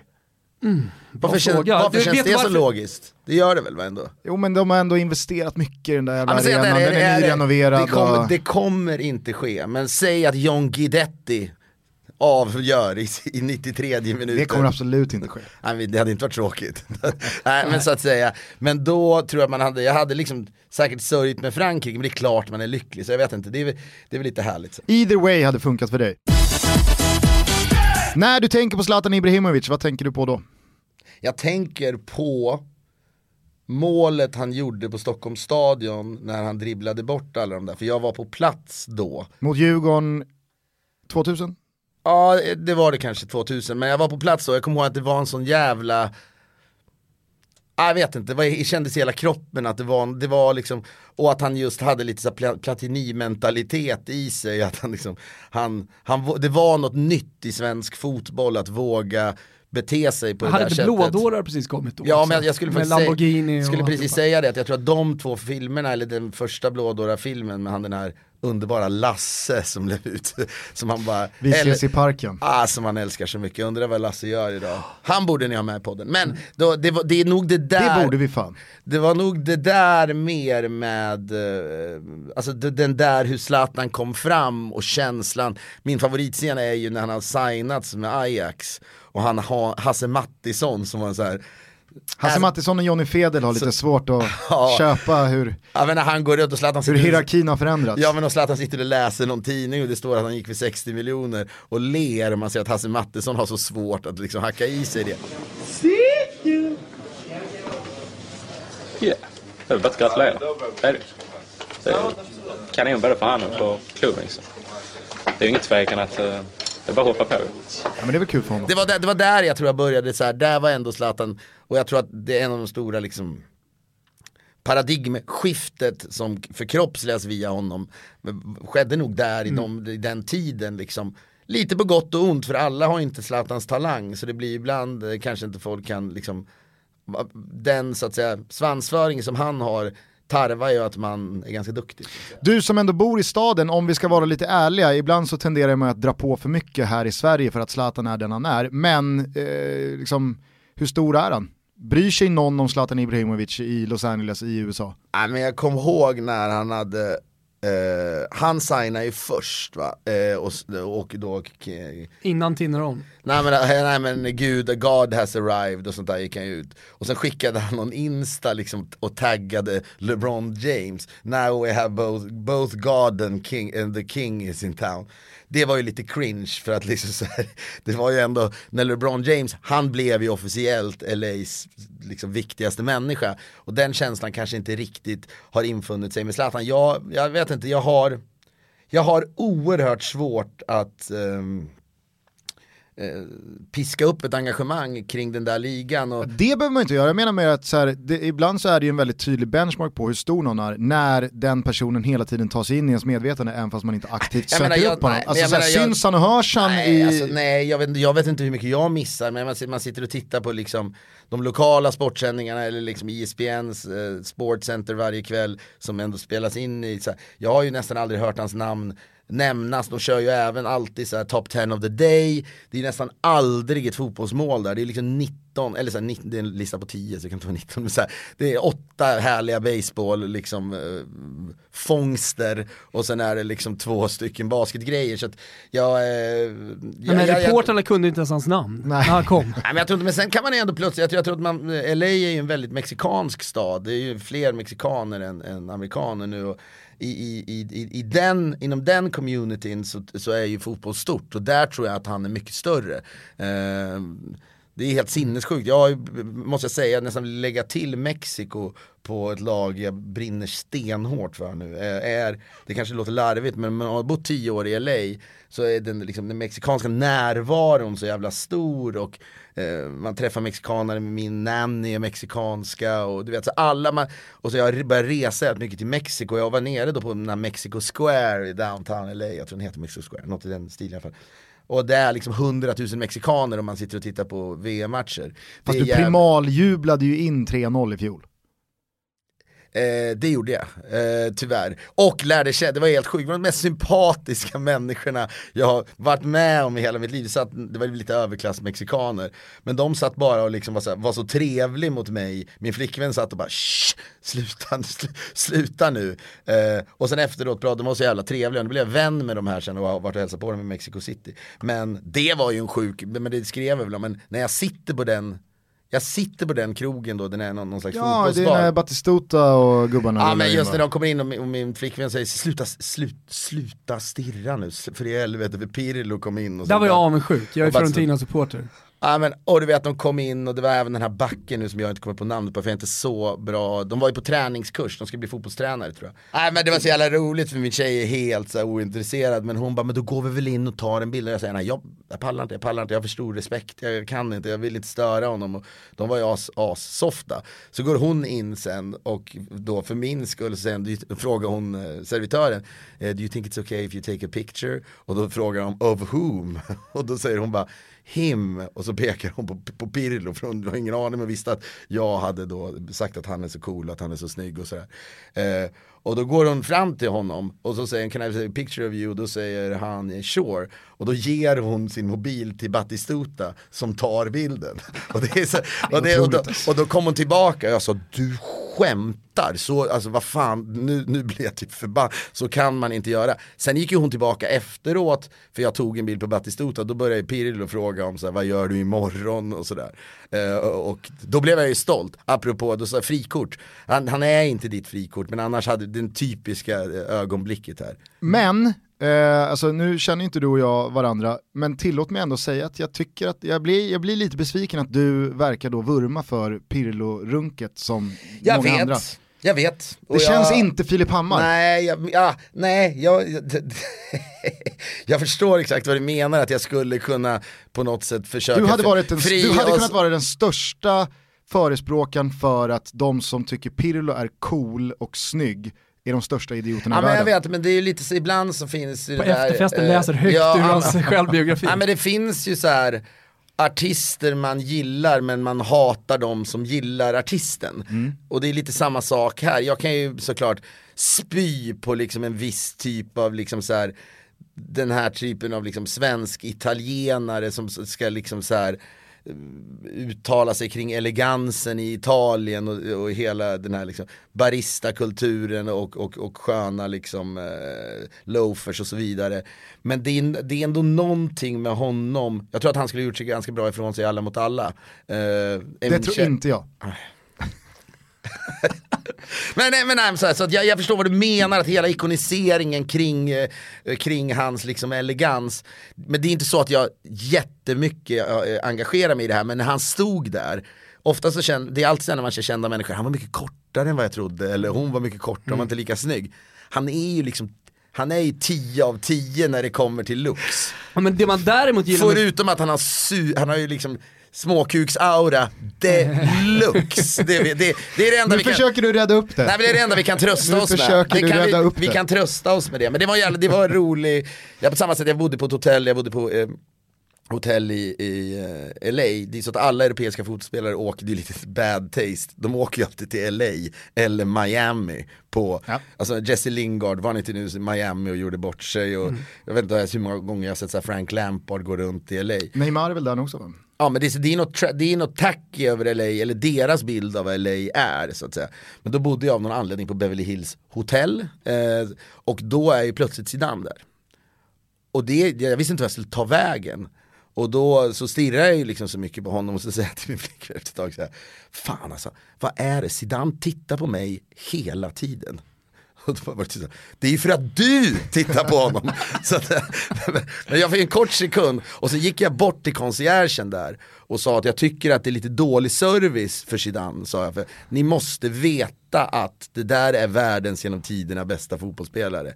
Enligt mig, det vet jag inte som jag tycker längre. Men, men så här, ta hand om honom mer, så stort var mitt engagemang kring honom. Jag kan bara säga att jag tycker ändå att eh, Pirlos persona på något sätt höjdes eh, när han dyngrak satt i den här Scudetto-bussen. Han fullast av alla. Och sen kom det fler videos. Nu har det liksom kommit tio videos på Pirlo på fester där han har varit fullast, alltså totalt Ja, plakat. men det är ju den Pirlo, För- du, för man och ser jag, ju- du, kan, du, du och jag gillar ju den Pirlo. Det är det menar. men, men, de men man gillar ju men- också Pirlo som säger till min tjej, vad gör du imorgon då? Absolut, Det är det- det är men, samma grej. men liksom kulten kring Pirlo som sitter- sitter... dressad i en vingård med Exakt. en kupa rödtjut Jag i vet, en så snygg kavaj. Så jävla kluven, Det känns så jävla grunt av Filip Hammar att liksom Jag gå vet. på den. Jo, men du hade kunnat ha, Nej. man hade kunnat hata den om det inte hade varit så att man hade sett de här andra videorna på Du vet att- Pirlo Men jag, jag, kan, jag, kan ge, Du vet vad Pirlos självbiografi heter va?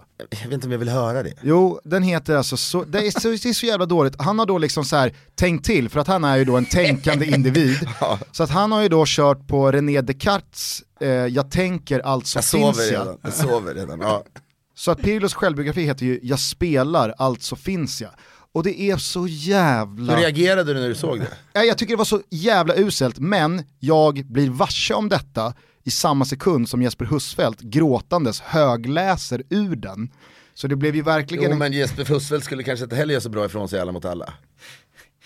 Det, Det tror jag. Det, det låter jag vara Det osagt. tror jag. Nej, det är skulle han, han är fan Det härlig. han. Det där var skitonödigt. Klipp bort det. Ja, klipp Fast bort vi det. klipper inte bort det. Ja, Det är, det är helt okej. Jag gillar Jesper honom. lyssnar. Men du förstår vad jag menar? Ja, här- vad, han är väl my mycket mer än så att säga, Italien-romantiker, alltså just den delen av Italien han romantiserar. Han sväljer ju Pirlo i vingården med hull Ja, han, och dricker, hår. ja, han dricker Kool-Aiden så du sjunger om det. Och det är väl, jag håller med, det är väl klart att Pirlo, man blir lite så, någon gång tänker jag också, ja hur bra var han egentligen? Har vi också överdrivit det lite grann? Ungefär som att han liksom slog de perfekta Han var ju passningarna. riktigt dålig i Milan de sista åren. Ja men just den där känslan av också att han var liksom kungen Ja, av nej, mittfältet nej, nej, ja, som bara, som satte, som satte liksom passningarna Folk på glömmer, ju- fötterna. folk glömmer ju att han, liksom, så här, han hamnade i Juventus som free agent av en anledning. Det var att Milan inte ens ville förlänga med honom. Visserligen ruskigt Han har ju liksom de, blå, han har de blåaste registreringsskyltarna i världen. Så men, är det. Men extremt liten kuk. Ja, Förstår du hans regeln? Ja, och jag, jag, ja, ja, alltså det där är, jag tycker det är så fascinerande det där. Det är, VAR kommer ju bli kanon. Men, och det får vi väl hacka i oss att allt, är liksom, allt i sin linda är väl lite problematiskt. Det är min känsla. Jag tycker det det var Det enda, enda bra, men- ögonblicket med Pep Guardiola när jag plötsligt fick lite så här annan känsla för honom. Det var väl när det var en offside situation. Mm, han i- åkte mot Tottenham på Ja, tilläggstiden. jag tyckte det var jävligt flott av honom. Även liksom Eh, även, fläck, även fläckarna har sin sol. så att säga. Ja, han, snyggt. han, eh, han liksom, att han köpte det där. Och jag, jag tror att liksom var är, just när man f- återigen då följer amerikansk idrott så känner man ändå att fan, det, det blir mer rättvist. Mm. Det blir det, men däremot är det svårt. Var det den här matchen jag såg igår mellan, eller jag såg bitar av eh, Holl- Holland mot, var det eh, Japan. Det är ju sjukt när den, när den kommer liksom på biceps, när den är liksom så, jä- ta bort armen så jävla högt uppe liksom. Ja, alltså, som, som motpol kan jag säga, jag, jag förstår inte hans regel. Jag, tro, jag trodde att man kunde... De har ju liksom- dessutom gjort om Man trodde precis. man förstod vad som var hans, men... Men vadå, jag tänker det som att in, bollen får inte på något sätt eh, träffa armen eller handen. That's I it. straffområdet. I, ja, i straffområdet. That's it, punkt. Ja, men ändå så sker det och så blir det inte straff. Och då Ja, men du, man, nu har de gjort om det, vänds- de blev hårdare. vänds så allt ja, den, omkull igen. Martin Skertel eller Martin Skrutial? Jag kommer inte ens ihåg vilken Skerter, var han någon gammal Liverpool-spelare eller? Alltså det här är ju en fråga om liksom så här, i vilken uttalsringhörna du står. Åh jävlar, det var Du sa- svåraste. Men det är väl Martin Jag sa, alltså, jag sa Skerter- samma namn Ja, aha, fast det en gång finns ju till, då repetera. liksom så här, Martin Skertel eller Martin Skrutial. Martin På tal om då. Jesper Det Hus, är roligt. på Ja. tal om Jesper Husfeldt, han är ju då liksom så här, han är ju högst upp på barrikaden. Ja, och också har vi Arne Hägerfors i andra ändan av, av Backham-spektrat. Nej men vad fan, nej, man, kan inte gå, man får fan säga Martin Skertel, man kan inte gå hela vägen. För eller emot pyroteknik? För? Vilken är din absolut fetaste fotbollsupplevelse? Eh, jag tror att det är ändå när Malmö FF vann SM-guld, nu är jag för dålig, ni får hjälpa mig med år, men de spöade Djurgården med 7-3. Martin Dahlin gör fyra mål, Håkan Lindman gör tre mål. Det är väl 88? Något i den stilen tror jag när det var de här Holmgrenarna spelade i Göteborg och den vindsnabbe Lennart Nilsson tror jag. Men då, äh, jag bara kommer ihåg det var så här, jag och pappa, vi hade någon vi har en lägenhet i Malmö för de växte upp där. Och vi gick hem eh, genom natten och eh, jag vet inte, det var bara, det var så jävla eh, vackert. Det brädar ett VM-guld för Frankrike på plats. Ja men kanske för att jag var med min pappa. Jag vet inte, det, det är klart att nu i 98 var det också otroligt, då såg jag det ju bara på en bar. Men när alla stod på borden och glädje, det var ju liksom otroligt. Men den där finalen fläckades lite för mig av att Ronaldo, jag hatar när det är matcher när de bästa spelarna är liksom lite satta ur spel. Ehm, då kan man ju titta på EM-finalen när Ronaldo försvinner och ändå vinner. Men det, jag gillar inte när stjärnor är skadade. Jag tycker det är, det blir, det är inte fair. Alltså Nej, alla, där, där kan jag hålla med dig. eh, det, det känns liksom Det när blir en onödig asterisk i historieskrivningen. Ja men det var, det var ju liksom någonting, nu om han satt upp och spelade Playstation hela natten eller vad det riktigt var. Ja men det var någonting med det, det var en konstig final, men det är klart det var kul. Eh, men, där, men nu 2019 då, eh, eller 18 när jag var med eh, min kompis Matthew, det var ju också naturligtvis otroligt. Men det är någonting, nu är man någon annan, nu har man råd att betala dyra pengar och liksom hoppa på ett, ett sent plan till Moskva och man kan liksom man kan liksom realisera sina drömmar och ha, ha råd med det. Liksom. Det var någonting när man bara liksom så gick med fars, farsan till Malmö stadion och det var, jag vet inte, det var, det var vackert. Vi mässade lite för några, några dagar sedan, några veckor sedan, om just den här VM-finalen 98 och Stefan Givars hopplösa jakt på, Alltså, på en ju- plats i målprotokollet. Det är, det är väl Frankrikes John Guidetti på något sätt. Alltså jag vill säga så, jag, John Guidetti verkar vara en sån jävla kanonkille. Jag kommer ihåg att journalisten André Walden skrev en historia om hur han liksom spelar, spelar fotboll med unga killar. Mm. Alltså han verkar vara kanon och jag hoppas att han exploderar som fotbollsspelare på alla sätt och vis. Men det är alltid frustrerande med de där som man känner, fan, inte riktigt blomma, som har Så ser man på chansen, så dem också att de vill så mycket. Och grejen var ju att Givars för- spelar ju, alltså, han spelar ju hela turneringen. Eh, och ja, som sagt var idag jobbar han po- som poolskötare tror jag utanför Bordeaux. Eller något. Det var lite, nu när, nu när jag tänker på det, alltså Olivier Giroud blev ju lite förra sommarens Ja. Stefan Givars. I och med att han, liksom, han startar varje match, men han gör inte det där målet. Han gjorde inget mål va, hela Inte ett, he, inte ett Men mål på är hela han inte, turneringen. jag tänkte faktiskt på, är inte han en liksom fotbollens kackerlacka? Alltså det är otroligt, han, är, han känns ju jätteviktig för Chelsea fortfarande. Jag fattar liksom inte, jag förstår inte hur han, han hanging, ah, såg du Ja, alltså, målet han i var ju en Euro- Europa League, jo men han Det var ju en Europa League-spelare också. Jo, exakt. Honom lirar vi i Europa League. Iguain är ju, Ja. Inte bättre. nej men han är ju eh, första valet. Ja, det är ofattbart. Det kan man, det kan man Det kan man verkligen Vet du vad också, det är roligt med Giroud, för det har jag tänkt på, om man tittar på, eh, eh, vad heter vi, Pir, Pirlo, som är så elegant. Du vill dit igen. Nej men jag vill till att Giroud är liksom Big Brother-varianten av Pirlo. Han är liksom, det finns ju ingen som ser knulligare ut i hela fotbollsvärlden. Nej, det Man- finns en. Borriello.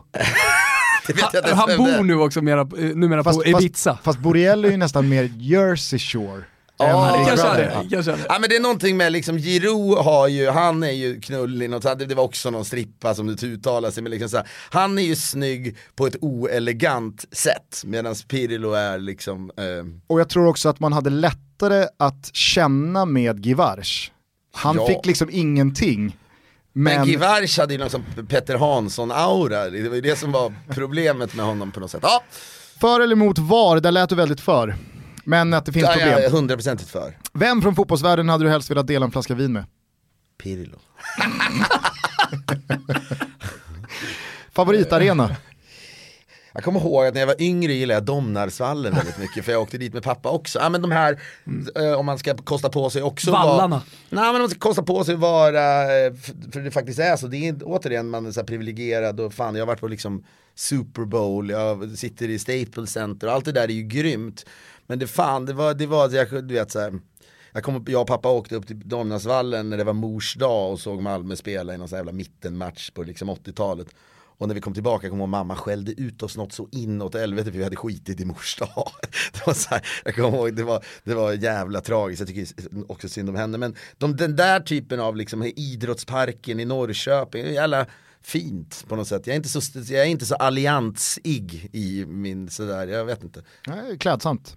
Eh, det här är bara andra gången vi kör den här uppdaterade faktarutan. Vi har ju kört en annan i nästan 300 avsnitt. Och då tog jag med den här frågan. Eh, av någon anledning så känner jag mig lite så här, jag vill inte ens ställa den, men du får väl säga vad du tycker om den. Eller om det är för dålig content att den är med. Favoritkaraktär i Seinfeld? Det är ju, det är ju, det är varvet runt på den nu. Det är okej det är okej att, att säga sånt nu. Eh, det är väl George ändå. Ja, visst. Ja, det känns förakt mot mig för Ja, att jag ja, svarade det. Nej, absolut inte. Men jag, alltså så här, jag... jag, Visst. Nej, den frågan ska du ha med, den frågan ska du ha med. Det är jättekul att ställa den till fotbollsspelare. Ja. Eller till Stefan Pettersson. Ska han vara med i podden? Jag tror att det är stängd dörr efter det här. Är det? Ja. eh, mäktigaste numret du har i din telefonbok? Det här känns som... Uh, Michael, det, Michael Bolton. ja, det är fan mäktigt alltså. Men det känns som att du också sitter på den eh, sexigaste telefonboken vi har haft i studion. Jag vet inte. Ja, det, det, ah, jo, det, det är nog fan sant. Jag har ju sexigare telefonbok än Stefan Pettersson. För eller emot konstgräs? Mot. Vilken spelare eller ledare tycker du är den mest underskattade genom tiderna som inte får eller fått tillräckligt mycket uppmärksamhet, aktiv som inaktiv? Jag tycker ju överlag, och nu kanske jag också kommer, jag vet inte vem jag blir i, i, i era primalskrikande fans öron nu, men jag tycker alla som jobbar med eh, funktionsnedsatta, alla de tränarna runt om i Sverige, det, jag, nu kommer jag inte ihåg namnet men det var någon så här det var någon i Göteborg, någon kille som eh, var porträtterad tror jag på mm, i Sportspegeln eller någonting. Ah, Det var så jävla fint, de där som liksom tar sin tid eh, liksom, till att göra saker eh, utanför rampljuset och liksom vill ge liksom, människor i periferin en chans att blomstra. Alla de är fan dunderhjältar, det måste jag verkligen säga. Sen så kanske jag tyckte att Olle Nordin borde fått en chans till. Ja, det kan jag fan tycka också. I den helt andra ändan av spektrat. Du som eh, högaktar Marcus Leifby något oerhört, eh, pratar, det gör jag, det gör jag. pratar ni om hans vurm för Olle Nordin och när han... Eh, Spionerade på... Hatar ni Leifby? Nej vi älskar Leifby, ja, på Eh, nej, men riktigt så här, alltså. Vad fan, nej jag tycker han är ja, också en sån här människa som förde in något så här. Ja, men skit nej, i Leifby, Nej jag men jag vill bara, bara- säga, får jag bara säga att när man Leifby live var också nytt. Absolut. Det var han liksom, han klev in och, och ändrade om. Jag tror Toto Balutto hade inte funnits utan Leifby live. Kanske inte. Nej, det menar jag inte. Men jag förstår, jag tycker att han, det där var fan... Episodens banade största väg, liksom. stretch, Jag var jag vad superroad av att se en match och samtidigt följa honom, det var grymt. Vad var frågan om Leifby? Jo, om ni då har pratat om när han då eh, skuggade, Han skuggade. Olle Nordin genom Stockholm för att han fick sån hang-up. Han såg Olle Nordin och förföljde honom. Nej, Visste det- inte vad han skulle göra alltså. Bara fortsatte Ja, att men det var efter. någonting med Olle Nordin, fan var, varför blev det som det blev Olle? Vilken spelare eller ledare har du aldrig riktigt sett storheten i? Alla svenska förbundskaptener genom tiderna. Tycker jag ändå att vi ska separera Tommy Söderberg från det. Ja men vänta nu, för nu Där tänker har- jag så här, har ja, ja, ja, men du har helt rätt, du har liksom- helt rätt. Det, men nu, det, nu måste vi också För med då... tanke på det du sa precis om eldsjälarna som Nej, gör nej, så nej, jävla mycket, nej, men jag, nu, där är nu, Tommy nu, Söderberg nu egen missuppfattar du mig. Du missuppfattar, jag, jag tänkte att det bara var så här kvalitativt någonstans. Jag tror att man hade ibland kunnat fått ut mer av svenska landslag med internationell coachning. Jag får för mig det, det är bara vad jag känner.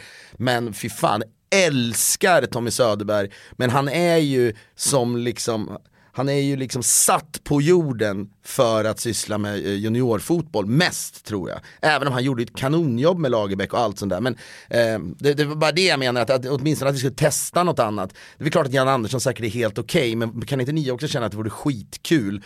Och där kan du väl... Många gånger har man ju känt det. Alltså, och, och så här, Svennis, kom tillbaka till Sverige. Ja, men det- nu när du har gjort hela din karriär internationellt. Hade inte det varit jättespännande Även om med det, Svennis? ja, Fast det hade är- varit, men fast exakt. kanske inte nu. Är Efter inte- England precis så hade det varit intressant. Är inte känslan kring Svennis nu som med vissa i Alla mot alla? Att så här, skulle Svennis komma tillbaka som svensk förbundskapten? Jo men nu är det för sent. Fredrik menar ju att Svennis memoarer är de bästa memoarerna han läst i sitt liv. Att det är liksom... Eh, Svinksen från Torsby va? Alltså det är oupphörligen intressant och att han är så naken och så här, Nej, eh, totalt. Men borde inte, borde inte, jag tycker jag borde inte Pia Sundhage få chansen efter Jan Andersson. Jag vet att man kan säga, jag vet, alltså det, Sverige måste någon gång vara ett föregångsland. Vi tror att vi är föregångsländer på så jävla många sätt. Det finns det domare nu i, i, liksom, i Bundesliga som är kvinnor, nu har liksom, du har domare i NBA, du har till och med coacher i NBA som är kvinnor. Jag, det där, nu, det är en helt annan fråga, men- det är en helt annan fråga men fan, det, Sverige måste sluta tänka, vi är ju säkert, vi är ju progressiva ur ett liksom statligt och, eh, perspektiv. och Absolut, hand men efter diskussionen här kring Pep Guardiola och hans eh, eventuella ja, storhet eller inte storhet, eh, och vi pratar om staber runt, eh, och, och man ser då en hu- head coach som eh, en eh, organisatör och kanske en motivator i ett omklädningsrum, snarare än att man man då måste ha extremt mycket fotbollskunskap. Nu ser jag inte att Pia Sundhage inte har det, men men, ett hon har ingen erfarenhet från eh, herrfotbollen, men det spelar ingen roll. men jag jag menar sätt henne i ett sammanhang i ett team där hon är då Pep Guardiola Exakt, i omklädningsrummet och ser till att organise- eh, organisera Jag allt. tror Så absolut, varför Hon är inte? säkert jättefotbollskunnig men då har du helt rätt. Alla tränare i dagens läge behöver ju ett team med specialister kring sig. Jag kan bara tycka att det är dags, vare sig det är hon eller någon annan, var lite coola i valet, gör någonting på det sättet. Jag kan dock tycka att Det kanske finns någon annan kvinna än henne, jag har ingen aning, som vore bättre. Jo men om, om man pratar då liksom så här, om man pratar ansiktslöst om att ha en kvinna som ledare för eh, något av våra största herrlag så tror jag att det, det, blir, det blir fel och det blir också orealistiskt att börja med landslaget. Alltså, den dagen vi kommer ha en svensk kvinnlig förbundskapten för jag- jag herrarna, jag då ska någon för liksom 20-10 år sedan innan ha varit tränare för ett Jag lag i kan hålla med om Superettan. att det finns, vet du vad jag skulle tycka var intressant? Jag skulle tycka det var intressant om en sportjournalist tog över ett allsvenskt lag. Någon tyckare. Det hade varit jävligt kul att se, vad händer när Noah Bachner tar över Kalmar? Åker de ut då? Med hull, med, med huvudet före. Är det så? Tror ni det? Vilken svensk journalist skulle vara bäst, som inte har fotbollsbakgrund? Vem skulle, vem skulle lyckas Ja, men bäst alltså professionell Eh, fotbollsbakgrund, vem det skulle är det du menar. Alltså Robert Lauley spelar ju i Ljungskile i Ja men där börjar man, ja, där- han ska nog inte vara med i då, utan Ah, okej. så, någon nördarna som inte var så bra, vilken skulle vara bäst? Ta över Kalmar. Alltså Niva hade ju drattat ur med Kalmar. Hade han det? ja, ja, ja. Bank, bank, knappt en seger tror jag. Är det Thomas Pettersson som hade gjort det bäst? Typ? Det- det- Ja, är det någon kan- sån? Alltså jag tänker någon med pondus. Nej, någon med. Olof Lund. Olof Lund hade hållit kvar Kalmar. Ja, alltså, Jag förstår vad du menar, stark ledare. Ja. Där har du det, för ni Olof hade inte Lund. grejat heller. Jag hade absolut grejat det. Jag, jag kan, jo men herregud, alltså, kolla bara på vad jag gör med Rönninges Vet du vad du hade 49. gjort? Det är på gång gjort? någonting med min tränarkarriär. Vet du vad du hade gjort? Du hade avgått. Efter tre matcher bara. Nej. Det här, var fel, det. här var ett felbeslut. Men erkänn att det är lite spännande, det är Ja, en ja. tanke som är, men du, du, du träffar, du, så jävla huvudet på spiken att Lund, Mm. Lund hade kunnat tagit Göteborg till ett SM-guld. Nej. Nej det hade han inte. Men han hade hållit kvar sa du? Kalmar. Ba- Ba- hur hade Bachner, hade, hur hade det gått för Kalmar? Hade de haft, De hade åkt ur. med, alltså direkt, alltså de hade varit ute redan vid Fast sommarbreaket? In, inte som om Niva hade rattat bygget. Det Tror hade, du det? Niva hade inte, ah, ja. Det är jävligt kul, ja jag önskar att jag hade ett lag i Allsvenskan och sa, "Ja, men kör, nu kör vi bara. Nu Men det hade ju liksom inte tagit, det hade inte tagit speciellt lång tid innan snacket i omklädningsrummet hade gått åt att gå du och skriv dina texter, här har du inget att göra. Alltså, det, det hade inte hänt med Lund. Nej, nej, Lund hade nog kunnat ryka Ta, alltså, han- hade Lund tagit upp Landskrona i Allsvenskan igen? Ah, där är det helt Ja, andra men där parametrar. finns det också passion som gör på något sätt att här, ledarskapet kanske blir ännu mer genuint och, och således också ännu starkare. Jag vet inte. Ja, och på de där nivåerna, där är det så mycket annat som spelar in. Alltså så här, kommer rätt snubbe in, som nu med Trellebo- Trelleborg. Det blir en seriös diskussion Ja. om Lund tar upp dem. Ja, men jag tycker, det jag in. tycker Men, att det ja, fan är en ganska intressant diskussion för man tänker i många av då idrottarna ska ju alltid, eller ledarna ska säga i en presskonferens, vad fan, ni, ni vet ju ingenting om det här, ni är bara journalister och så vidare. Finns en, givetvis en, många korn av sanning i det, att man inte fattar, men det, är också, det, det skulle vara så jävla spännande att se. Och för att belysa liksom tränarens innebörd från andra hållet då, så kan jag till exempel tro att ytterst få svenska tränare hade tagit Östersund ens upp i allsvenskan. Det är liksom Graham Potters. Ja, Men jag har en journalist. det är Graham. Potters, Eh, eh, man, man, det, går inte att, det går inte på något sätt att överskatta det han som tränare gjorde Nu kanske jag hänger spelartrupp. ut Marcus Rosenberg här, men det gör jag inte. Jag tycker väldigt mycket om honom och vi har en del kontakt ibland. Han Kan kan du inte få du- fixa ja, till podden istället för verkligen. Jerebko. För att eh, han är väldigt avig. Pontus Jansson lyckas inte. Via, via mig kanske kan ni få in honom. Nej men vi har lite kontakt, han, var, han blev presenterade tårtgeneralen i Malmö och sådär. Men då hade vi en diskussion eh, på eh, kvällen när vi eh, åt en hamburgare och jag tror bara det var jag och Fredrik som drack öl. Han, känns, han är liksom dietistig, hans, hans tjej är dietist jag. Men hans, exakt det du sa, sa han om Potter då. Att det där är den första så att säga internationella flavorn vi har haft i Allsvenskan där vi ser filosofen, eller som han tror jag sa till med så här, psykologen mer än en tränare. Han fanns där, han, liksom, han byggde det där laget på liksom eh, på ett helt annat sätt. Med helt andra värderingar och helt andra metoder. Exakt. Mellan raderna så kanske det lät som att Rosenberg inte hade tackat nej till Potter i Malmö. Nej, det tror inte jag heller. Och ja, det förhandlades. Det var konkret på bordet. Men, alltså det jag bara menar är att sett eh, Roar Hansen, Conny Karlsson, eh, Ja, men P.O. Olof, Ljung. Olof Lund hade gjort resan med Östersund. Men hade inte Nunstedt tagit IFK Göteborg till ett SM-guld? Vem? Han kanske inte- Anders Nunstedt? Nej, nej. Per Nunstedt. Per Nunstedt. Det hade han väl inte för fan? Ja men på tal om att leda och gå in och liksom, ja, inte bestämma i ett omklädningsrum. Nej, det, det, det tror jag, det går inte att jämföra med Lund. Ola Wenström. Han hade väl ändå, eller? Du tittar men på han- konstigt. Sirius hade han kunnat alltså, coacha, hålla Han kvar i tvåan. lik Ola Andersson Han hade, han hade kunnat hålla kvar eh, Det finns Sirius. något här med Niklas Busch Thor som, ja, vi ska inte, vi ska inte, Han borde ni fan nästan ha i den här podden. Vem? ja det vore kul. Busch Thor. Ja. Eh, ska vi bara städa av de sista frågorna Ja. Innan vi är bokslut? Ja. Finns det något specifikt Finns din, tomten trodde jag du skulle säga. Finns det något specifikt i din karriär som du ångrar eller som du fortfarande grämer dig över? Nej, nej. Ja, nej. Vi, vi gjorde ett jävla skitprogram som heter 90 leaks jag alltid brukar ta upp som jag tyckte var ett havsverk.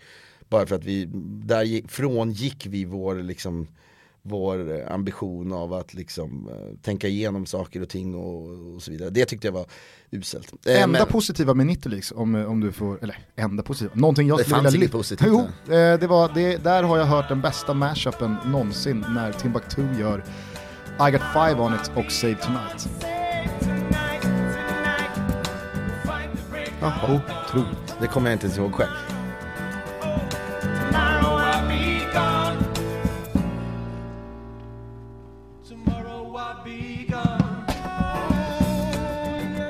Men det, kan låta, det här låter ju då som att jag inte tycker att något jag har gjort är dåligt, det är inte alls det jag menar. Men när vi går så långt som till att ångra sig så är det där. Sen kan jag tycka att massor av saker man har gjort inte är så jävla bra liksom.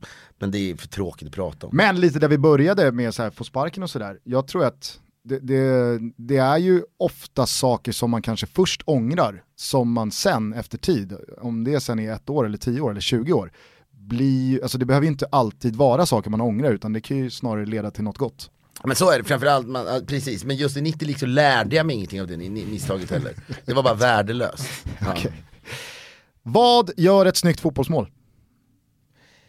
Jag tycker oftast det där liksom sitter i skönheten i målet tror jag, om jag bara snabbt försöker eh, processa din fråga. Alltså det, det är sån här, liksom så här, det är en riktigt kämpamål när någon bara trycker in det. det jag tycker, det, det, man, det man ändå gillar är ju Roberto Carlos frisparkarna för att prata om något otroligt sönderpratat. Vär, du skulle kunna säga, jag trodde inte du var en kille som gillar Roberto Carlos frisparken. Nej, men det gör jag inte, men jag vill bara använda det som en illustration för de vackra målen. Vad fan, Zlatan på Friends Arena ändå.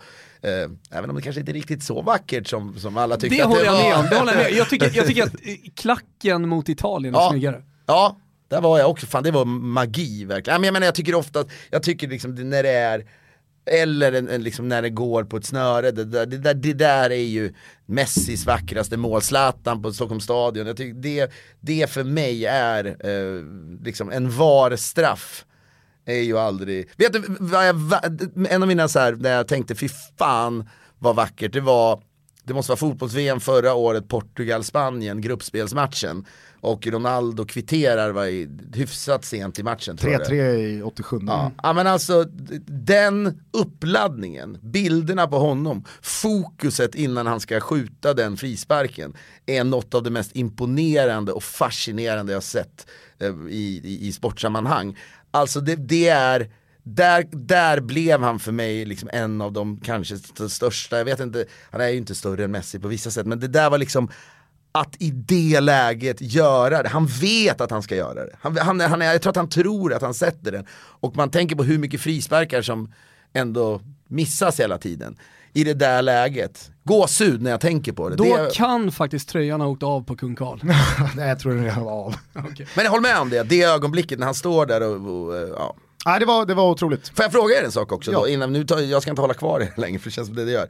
Men jag vet att jag pratade med Simon Bank om det här. Är det inte sjukt, jag är inte så bra på statistik, men om man tittar på frisparkar överlag att den utvecklingen går väldigt långsamt. Jag vet inte hur man, ut, om man tittar på 1987 och 2019, går fler frisparkar i mål idag? Min känsla i magen är, Jag, sk- ah, jag skulle ändå gissa det. Alltså, då hade, vad hade vi då? Då hade vi Maradona som ändå på något sätt revolutionerade. Platini hade vi Platini, väl- Sicko. ja. Eh, men, det var också väldigt många Ronald Koeman-typer liksom, som fick ta frisparkarna. Maradona de banade, eh, Platini, Sicko och Maradona, de banade ju väg för andra. Så de, de var ju ändå på De något sätt banade väg för, för Kim Källström när han började, när han gick, stegade Ja. upp där. Ja, men jag menar bara, det, det är någonting i det som ändå, jag, jag håller Jag tror med. att det var nytt då. Ja men alltså. att det kanske är lite skillnad, med jag skulle göra en koppling, tröttkoppling möjligtvis till basket, men där trepoängsskyttet i NBA, helt, alltså Golden State Warriors, rita om kartan. Hela spe, alltså he, i princip är förändrat. De, de blev maskinerna som sköt trepoängarna, alla andra lag måste leta ännu mer. Basket var fys, bara fysik nästan väldigt mycket. Man, skulle, man tänker så här, fan kan det inte komma den där frisparksskytten där varje frispark går på mål? Varför är det... Alltså, jag vet de har ändå Juninho lite- funnits. Mihailovic, Coutinho. Pirlo.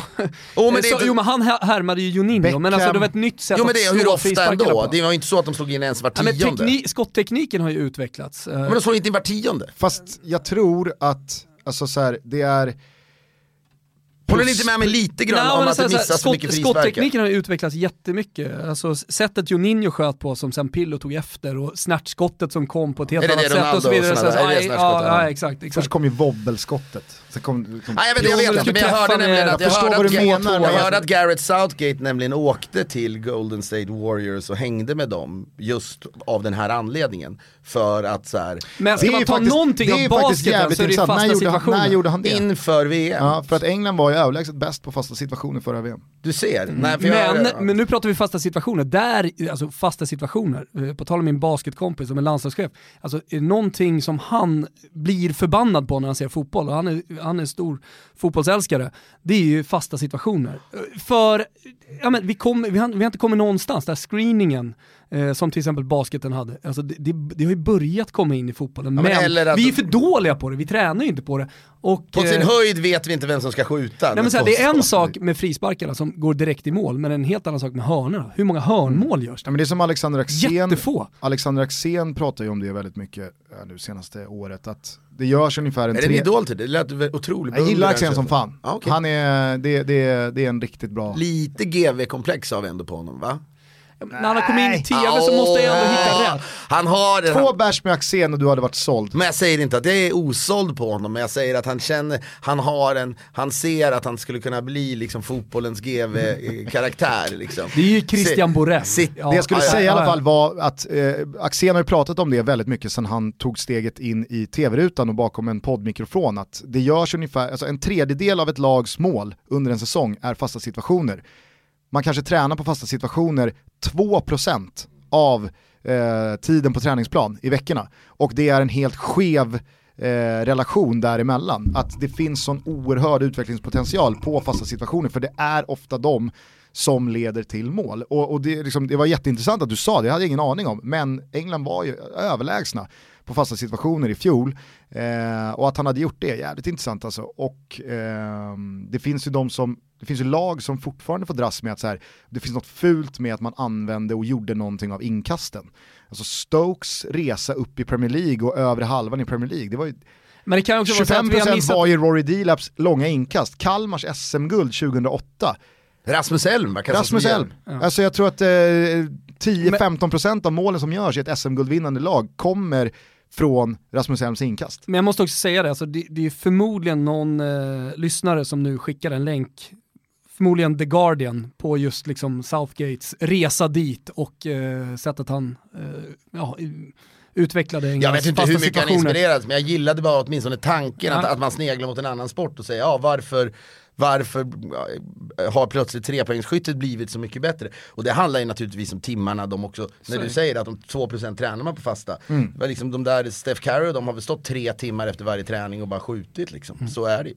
Och jag tror att de skotten som Steph Curry missar motsvarar nog så här, ungefär samma svårighetsgrad för världens bästa frisparksskytt att faktiskt få den i mål. Ja, det tror jag liksom. Så att, eh, Ja, jag vet inte, men det, kan, det är roligt att se Janne Andersson åka till Golden. Släppas in där. Ja. Verkligen. Eh, du orkar inte laga mat, kanske är du bakis, vad beställer du för pizza?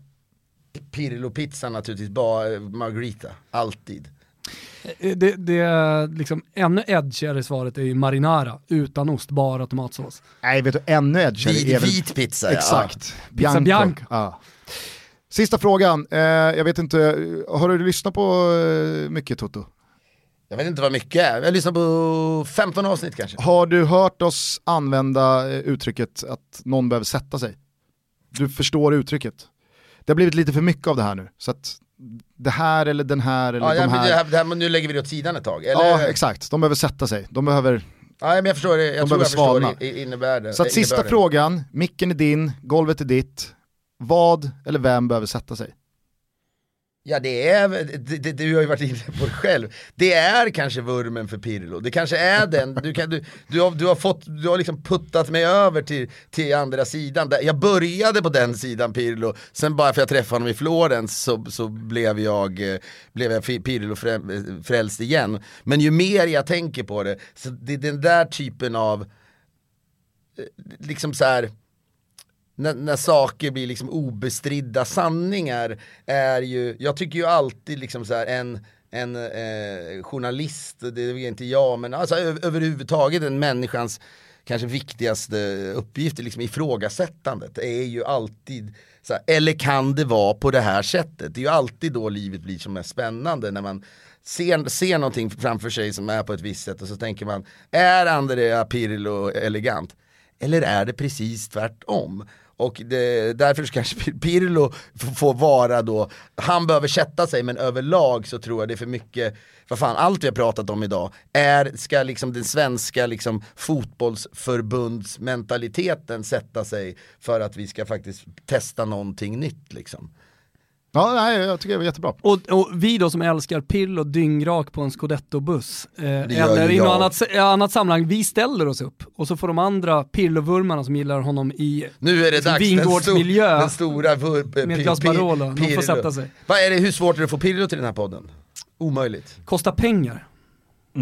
Crowdfund, Jag- jag crowdfunda. Alltså det är det Jag gjorde- absolut sista jag skulle göra, det är att crowdfunda Nej, så- pengar för att få in Andrea Pirlo och höra honom sitta Nej, och rapa inför, jag, bara, jag måste bara säga det, inför fan, Sveriges andra, eller inför playoff-matcherna mot Italien till VM 2018 eh, så fick jag uppgiften av Expressen att försöka lösa någon stor före detta italiensk fotbollsspelare. Och eh, jag började då närma mig eh, Christian Vieri, Bobo Vieri.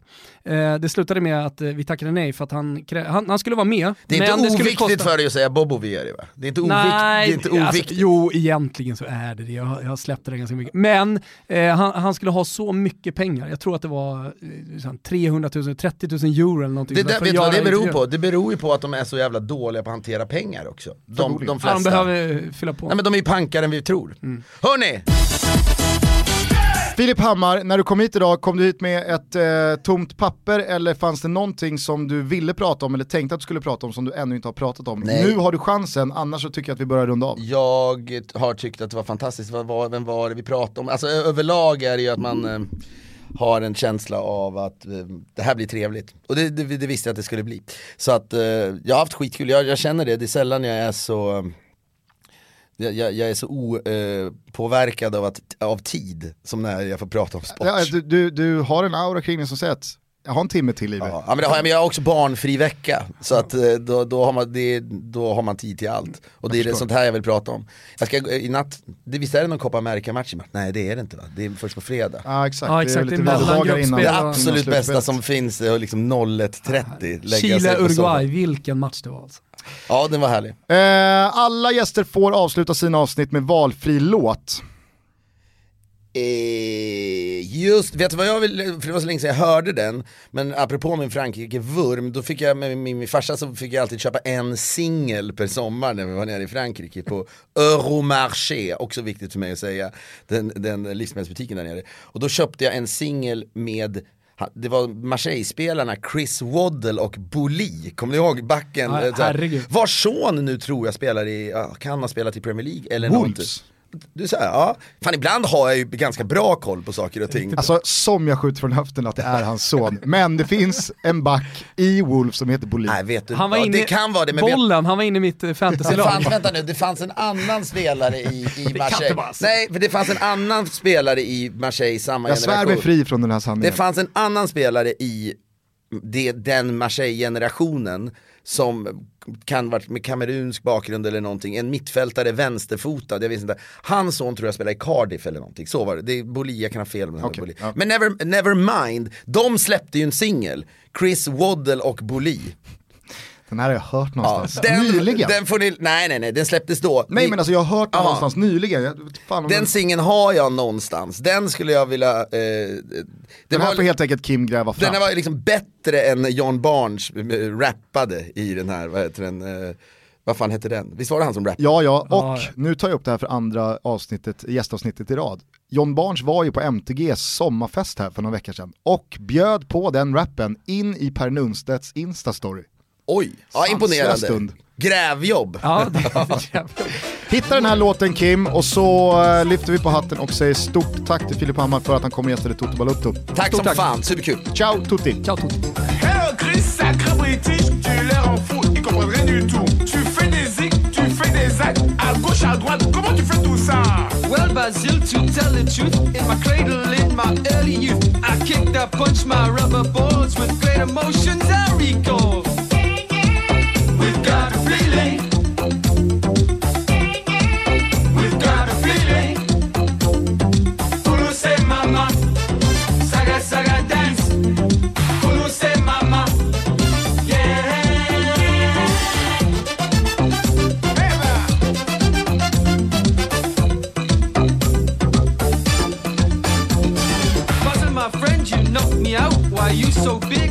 Like that?